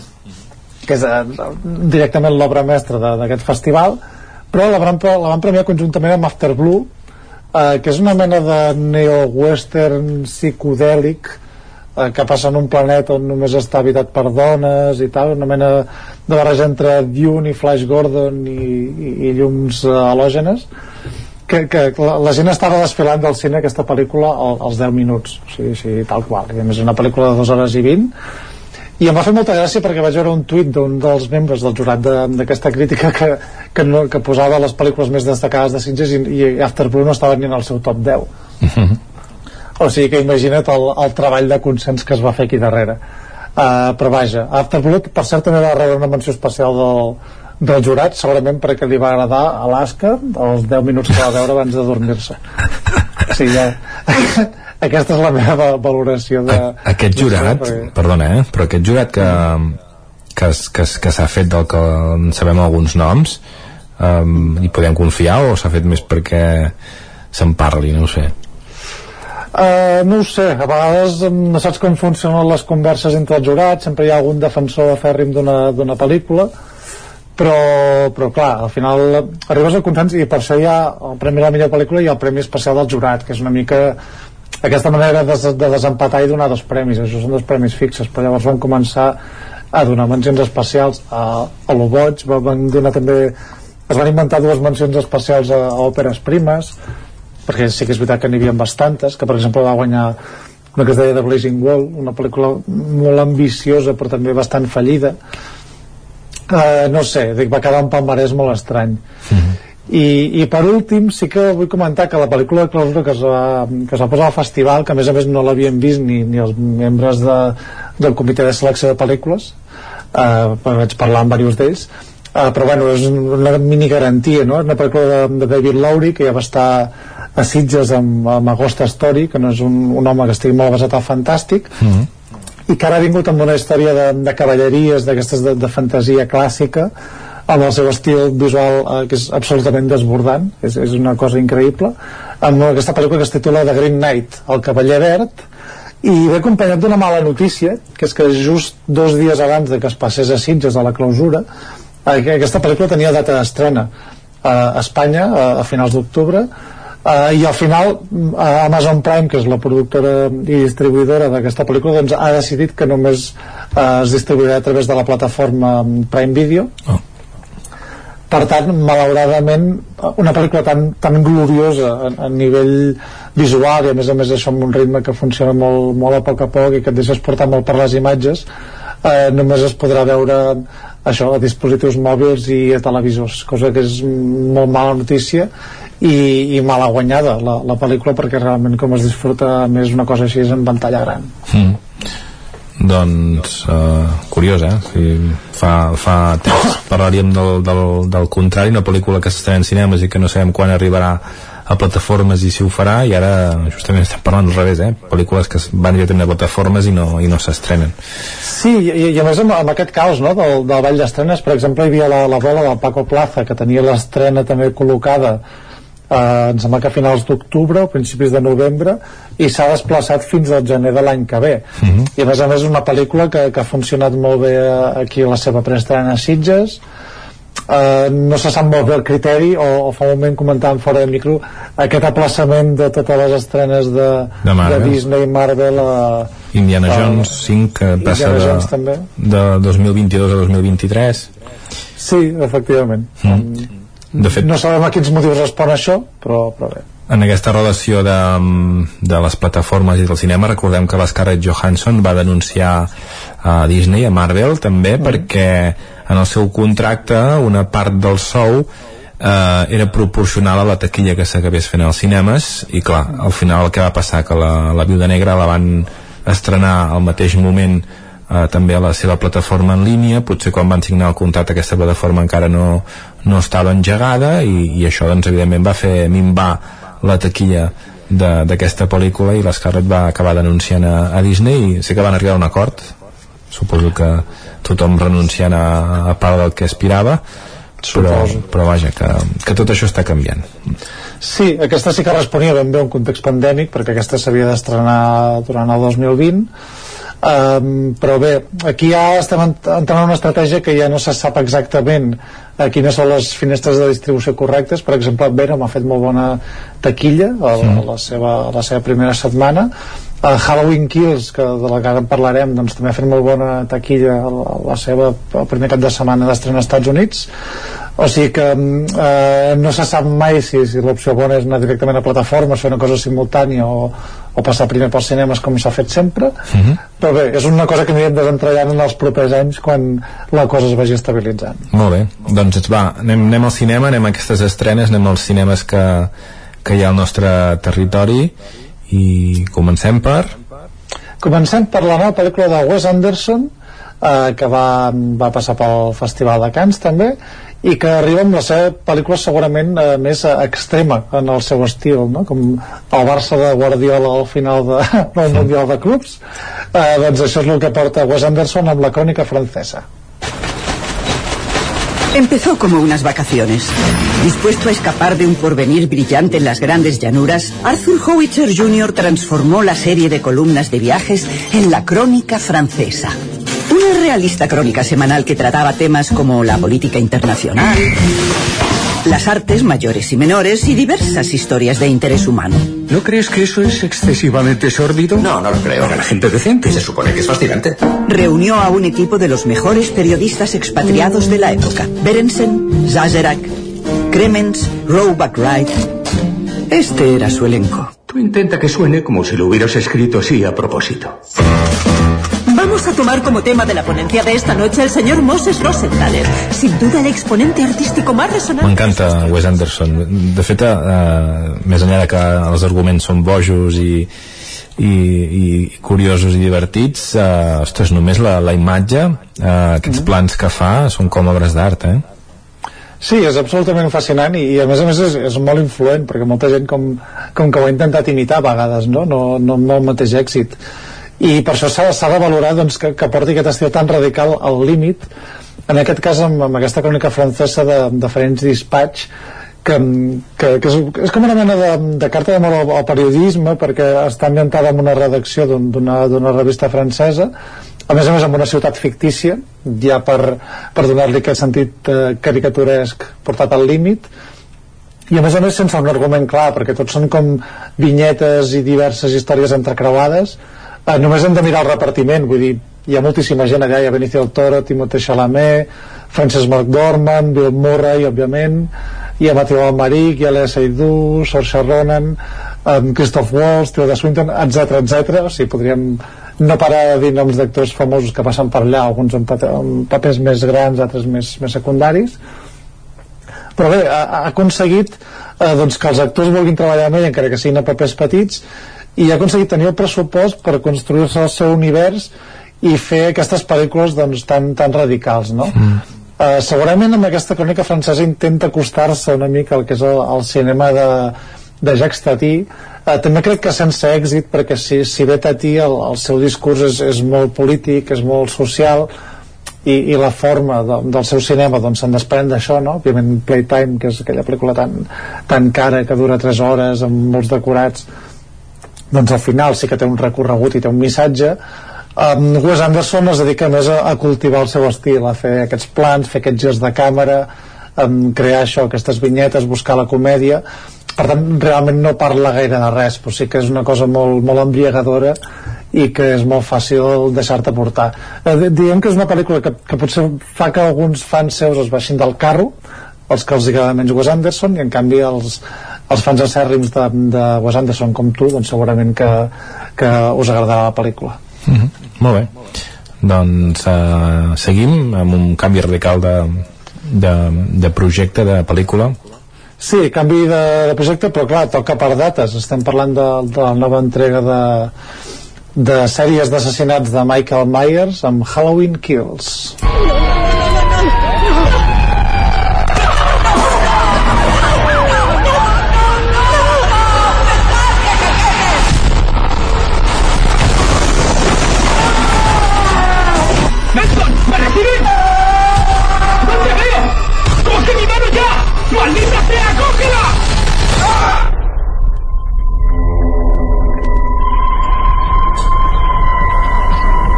I el que doncs, eh, li agafa la mà no és el seu company sinó el protagonista d'aquesta saga eh?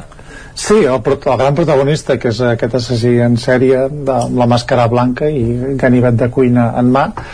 Um, que bé, és, és seqüela directa de, de Halloween que ja era seqüela directa de la pel·lícula del mateix títol de, de John Carpenter.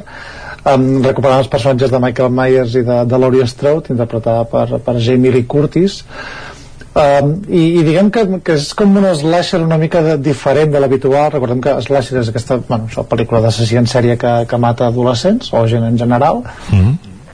en, aquest, en aquesta pel·lícula intenten com inventar una mica la roda de, de donar-li una pàtina de, de discurs social eh, en, en, relacionat amb Era Trump també el que és el discurs de la por um, donar-li un factor molt més social de sobre la por en què ens converteix com ens pot portar a ser monstres i realment és una pel·lícula com molt dispersa um, sí que guanyen el fet que és una pel·lícula molt, molt més brutal que, que les anteriors hi ha molts més assassinats és més violenta eh, li dona més protagonisme a l'assassí i no a la víctima no? que seria el personatge de Jamie Lee Curtis que, que en aquest cas queda una mica apartat eh, tenint en compte també que hi ha una tercera entrega ja filmada per tant sí. Diguem que això suposa que es compensarà i això pateix una mica el síndrome de, de l'episodi intermig no? com li passa a totes les trilogies Um, però bé, el, el cas és que sí que hi ha una petita deficiència respecte a lo que era la pel·lícula anterior el muntatge és molt estrany uh, sense anar més lluny i no vull fer spoilers la, la pel·lícula comença tres vegades té, té tres començaments uh mhm. -huh. que jo l'estava veient i pensava dic, però per què és la tercera vegada que comença aquesta pel·lícula realment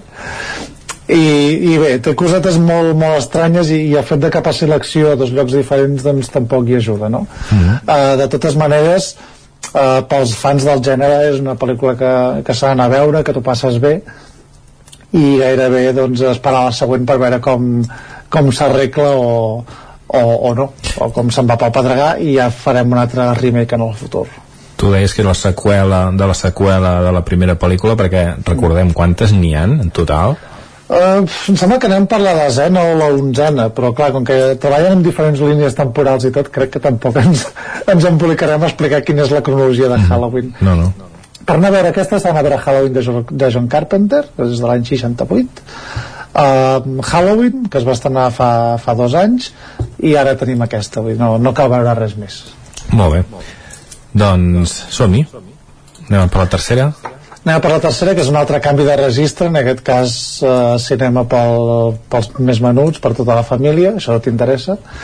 Eh, I és una pel·lícula de, mm, que també involucra aquestes històries d'amistat propers del cinema infantil, però també amb les noves tecnologies. El film es titula Ronda Error. Hay dos tipos de personas, papá. Las que tienen un bigot. Y las que no. Hola, chicos. Perdón, estoy en el plano. Ah, tengo un filtro para eso. ¿Ahora se necesita un bigot para tener vida social? Sí, papá, algo así. No, no quiero que te enganches a un dispositivo. Un segundín.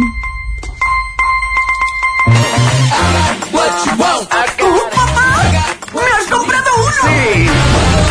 i al final el pare cau com solem fer i li, cau, i li compra un bibot no? però que és una Sí. mica diferent i que ho canvia tot Sí, perquè de fet hi ha com una mena de, de mal funcionament degut a un, un cop que s'ha donat durant el transport i, i diguem que és com, com quan et compra una joguina que no acaba de funcionar tot bé però tu, tot i així doncs, doncs la valores no? i de cop i volta aquella joguina és especial mm -hmm.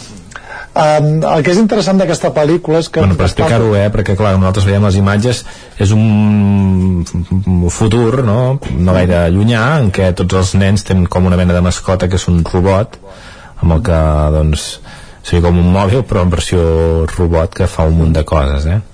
Sí, o com, com un tamagotchi mm. del segle XXI no? sí.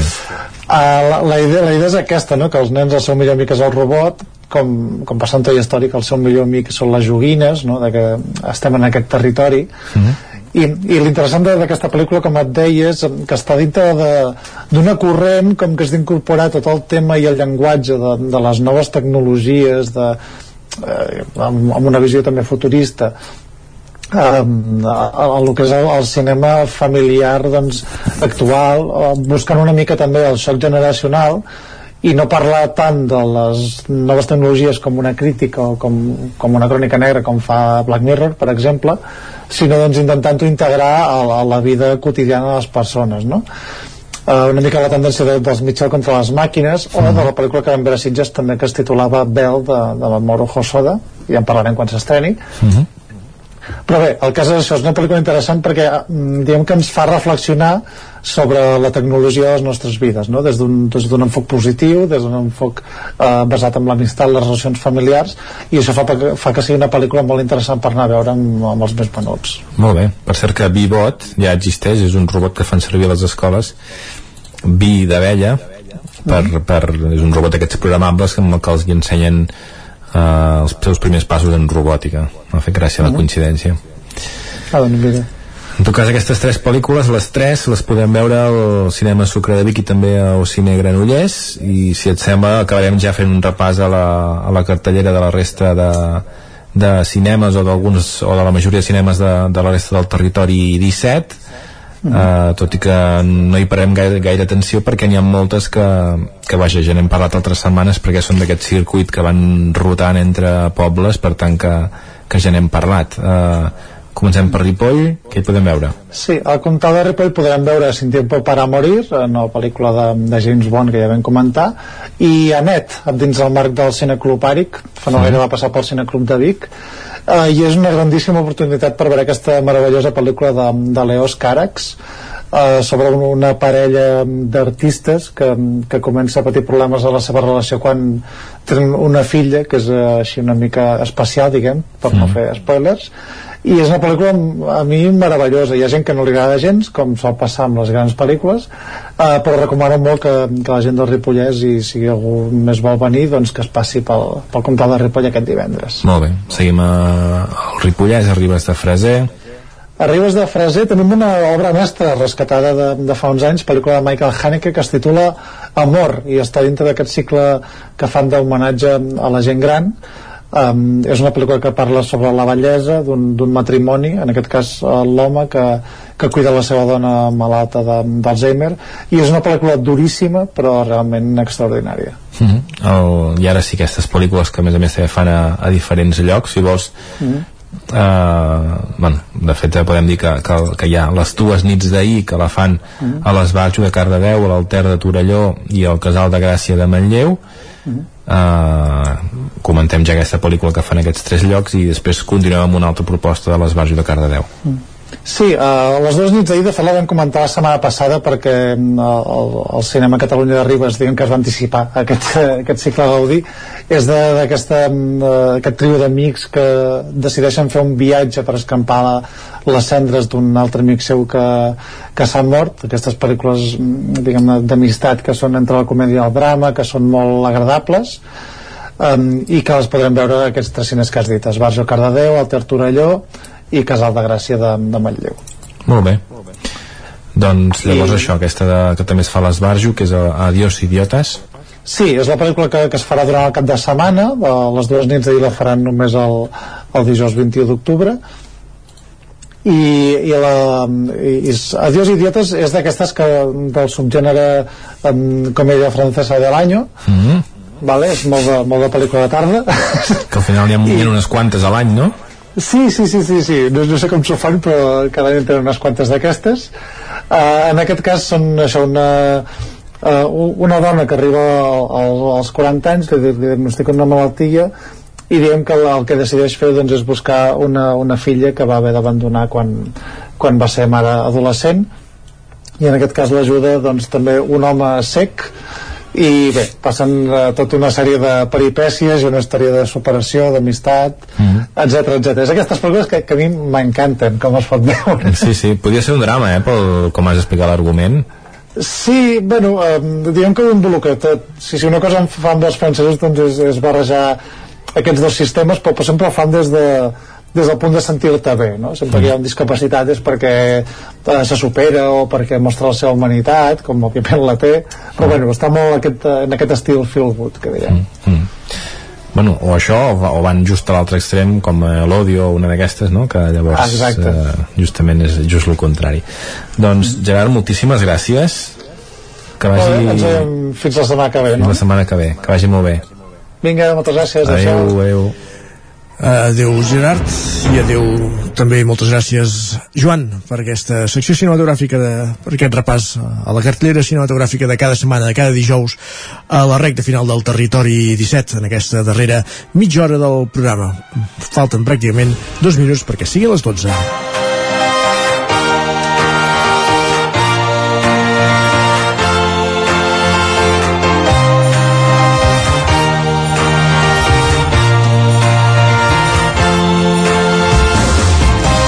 I a aquesta hora només ens falta dir adeu-siau. Pepa Costa, David Olodell, Caral Campàs, Isaac Muntades, Guillem Sánchez, Esther Rovira, Clàudia Dinarès, Maria López, Cristina Enfruns, Òscar Muñoz, Joan Garcia, Gerard Fosses, Jordi Sunyer i Isaac Moreno. Us hem acompanyat des de les 9 del matí. Tornarem demà divendres a la mateixa hora. Que acabi d'anar molt bé aquest dijous. Adéu-siau.